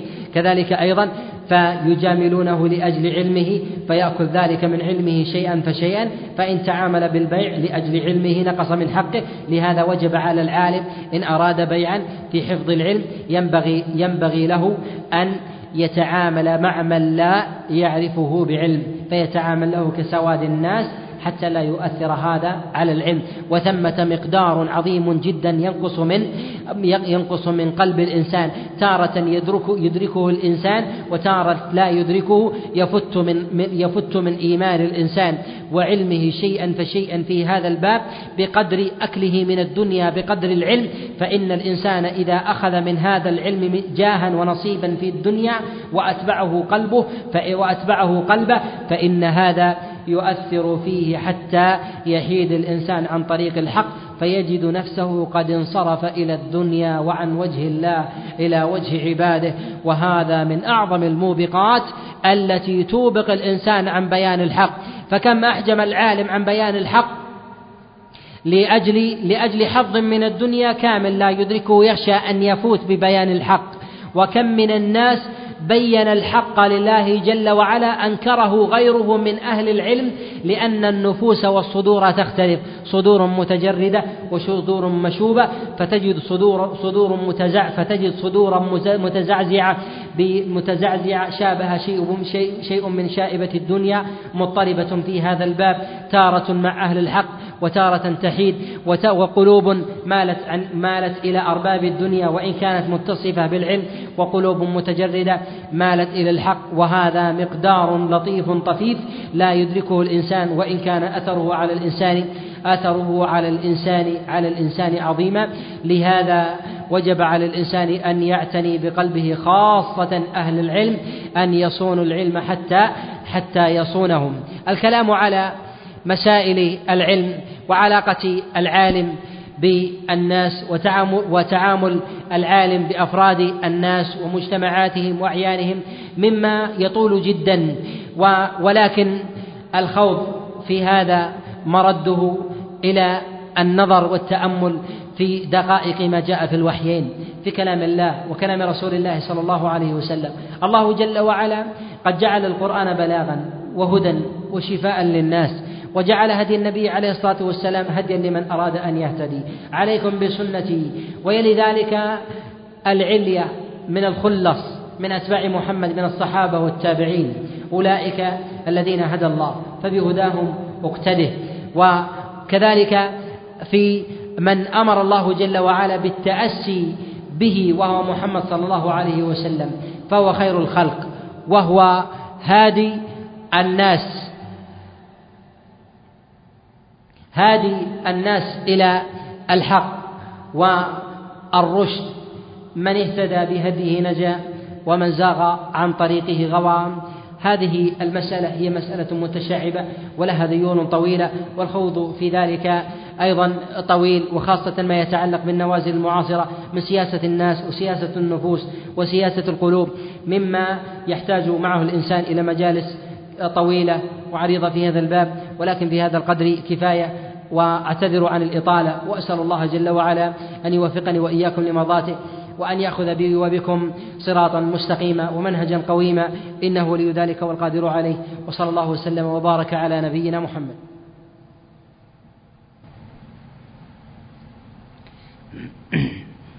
نجيب على الأسئلة المختصة مختصة بهذا الباب.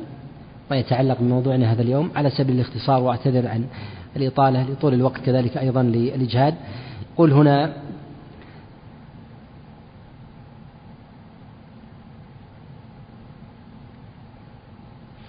يقول بعض العلماء يذكرون في ترى في تراجمهم أنه يكره الثقلاء كما الأعمش وبعضهم يقول أن شيخ الإسلام تيمية في شيء من الحدة.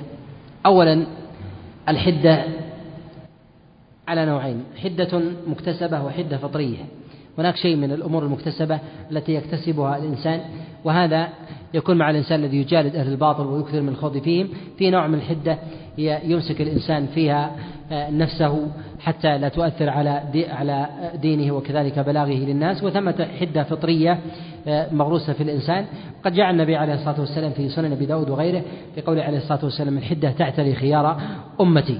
والحدة التي التي ترد على الإنسان ينبغي ألا تؤثر في قوله وفعله التي تفسد على على على الناس دينهم وعلمهم. ولهذا من نظر إلى الأئمة الذين جالدوا أهل الباطل كالإمام أحمد وشيخ الإسلام ابن تيمية عليهم رحمة الله لم يظهر فيهم الحدة التي يذكرها بعض من عاشر بعض هؤلاء الأئمة على سبيل على سبيل المعاينة.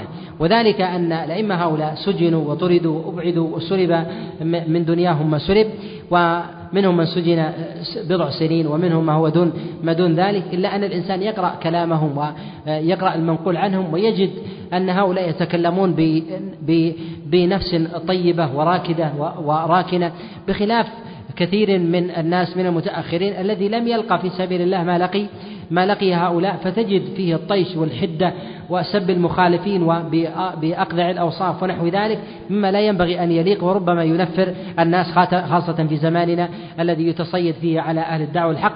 من نظر إلى كلام شيخ الإسلام ابن تيمية ومن نظر إلى كلام الإمام أحمد عليه رحمة الله قبل ذلك وغيرهم من الأئمة الذين صارعوا الحق انظروا إلى مصنفاتهم. لا تكاد تجد وصف بالسب والبغي والتعيير ونحو ذلك وإنما يوصلون الحق للناس. وبالأدلة ومن الكتاب والسنة وكذلك القواعد الشرعية لأن المراد هؤلاء ومراد غيره والمراد والمراد غيره. يقول ما هنا ما موقف العالم من مخالطة السلطان؟ إذا ترك ذلك خالطه النفاق والشر فليخالط السلطان لكي يسد على أهل الباطل طريقه. أولا مخالطة السلطان من الأمور المهمة ومن الأمور الواجبة بالنصح وبيان الحق والشفقة عليهم باللين والرفق والاهتداء في هذا في هدي النبي عليه الصلاة والسلام وهدي أئمة الإسلام والمفاصلة في هذا على الإطلاق غلط والمخالطة على الإطلاق غلط بل الإنسان يسايس في ذلك كما أن السلاطين يختلفون منهم الصالح ومنهم من هو خلاف ذلك والمخالطة بالنصح والتوجيه وبيان الحق. لهم هذا من الأمور المطلوبة بل الأمور الواجبة. ولهذا أمر الله جل وعلا موسى وهارون أن يأتي فرعون ولم يأمرهم الله جل وعلا أن يكتب إليه.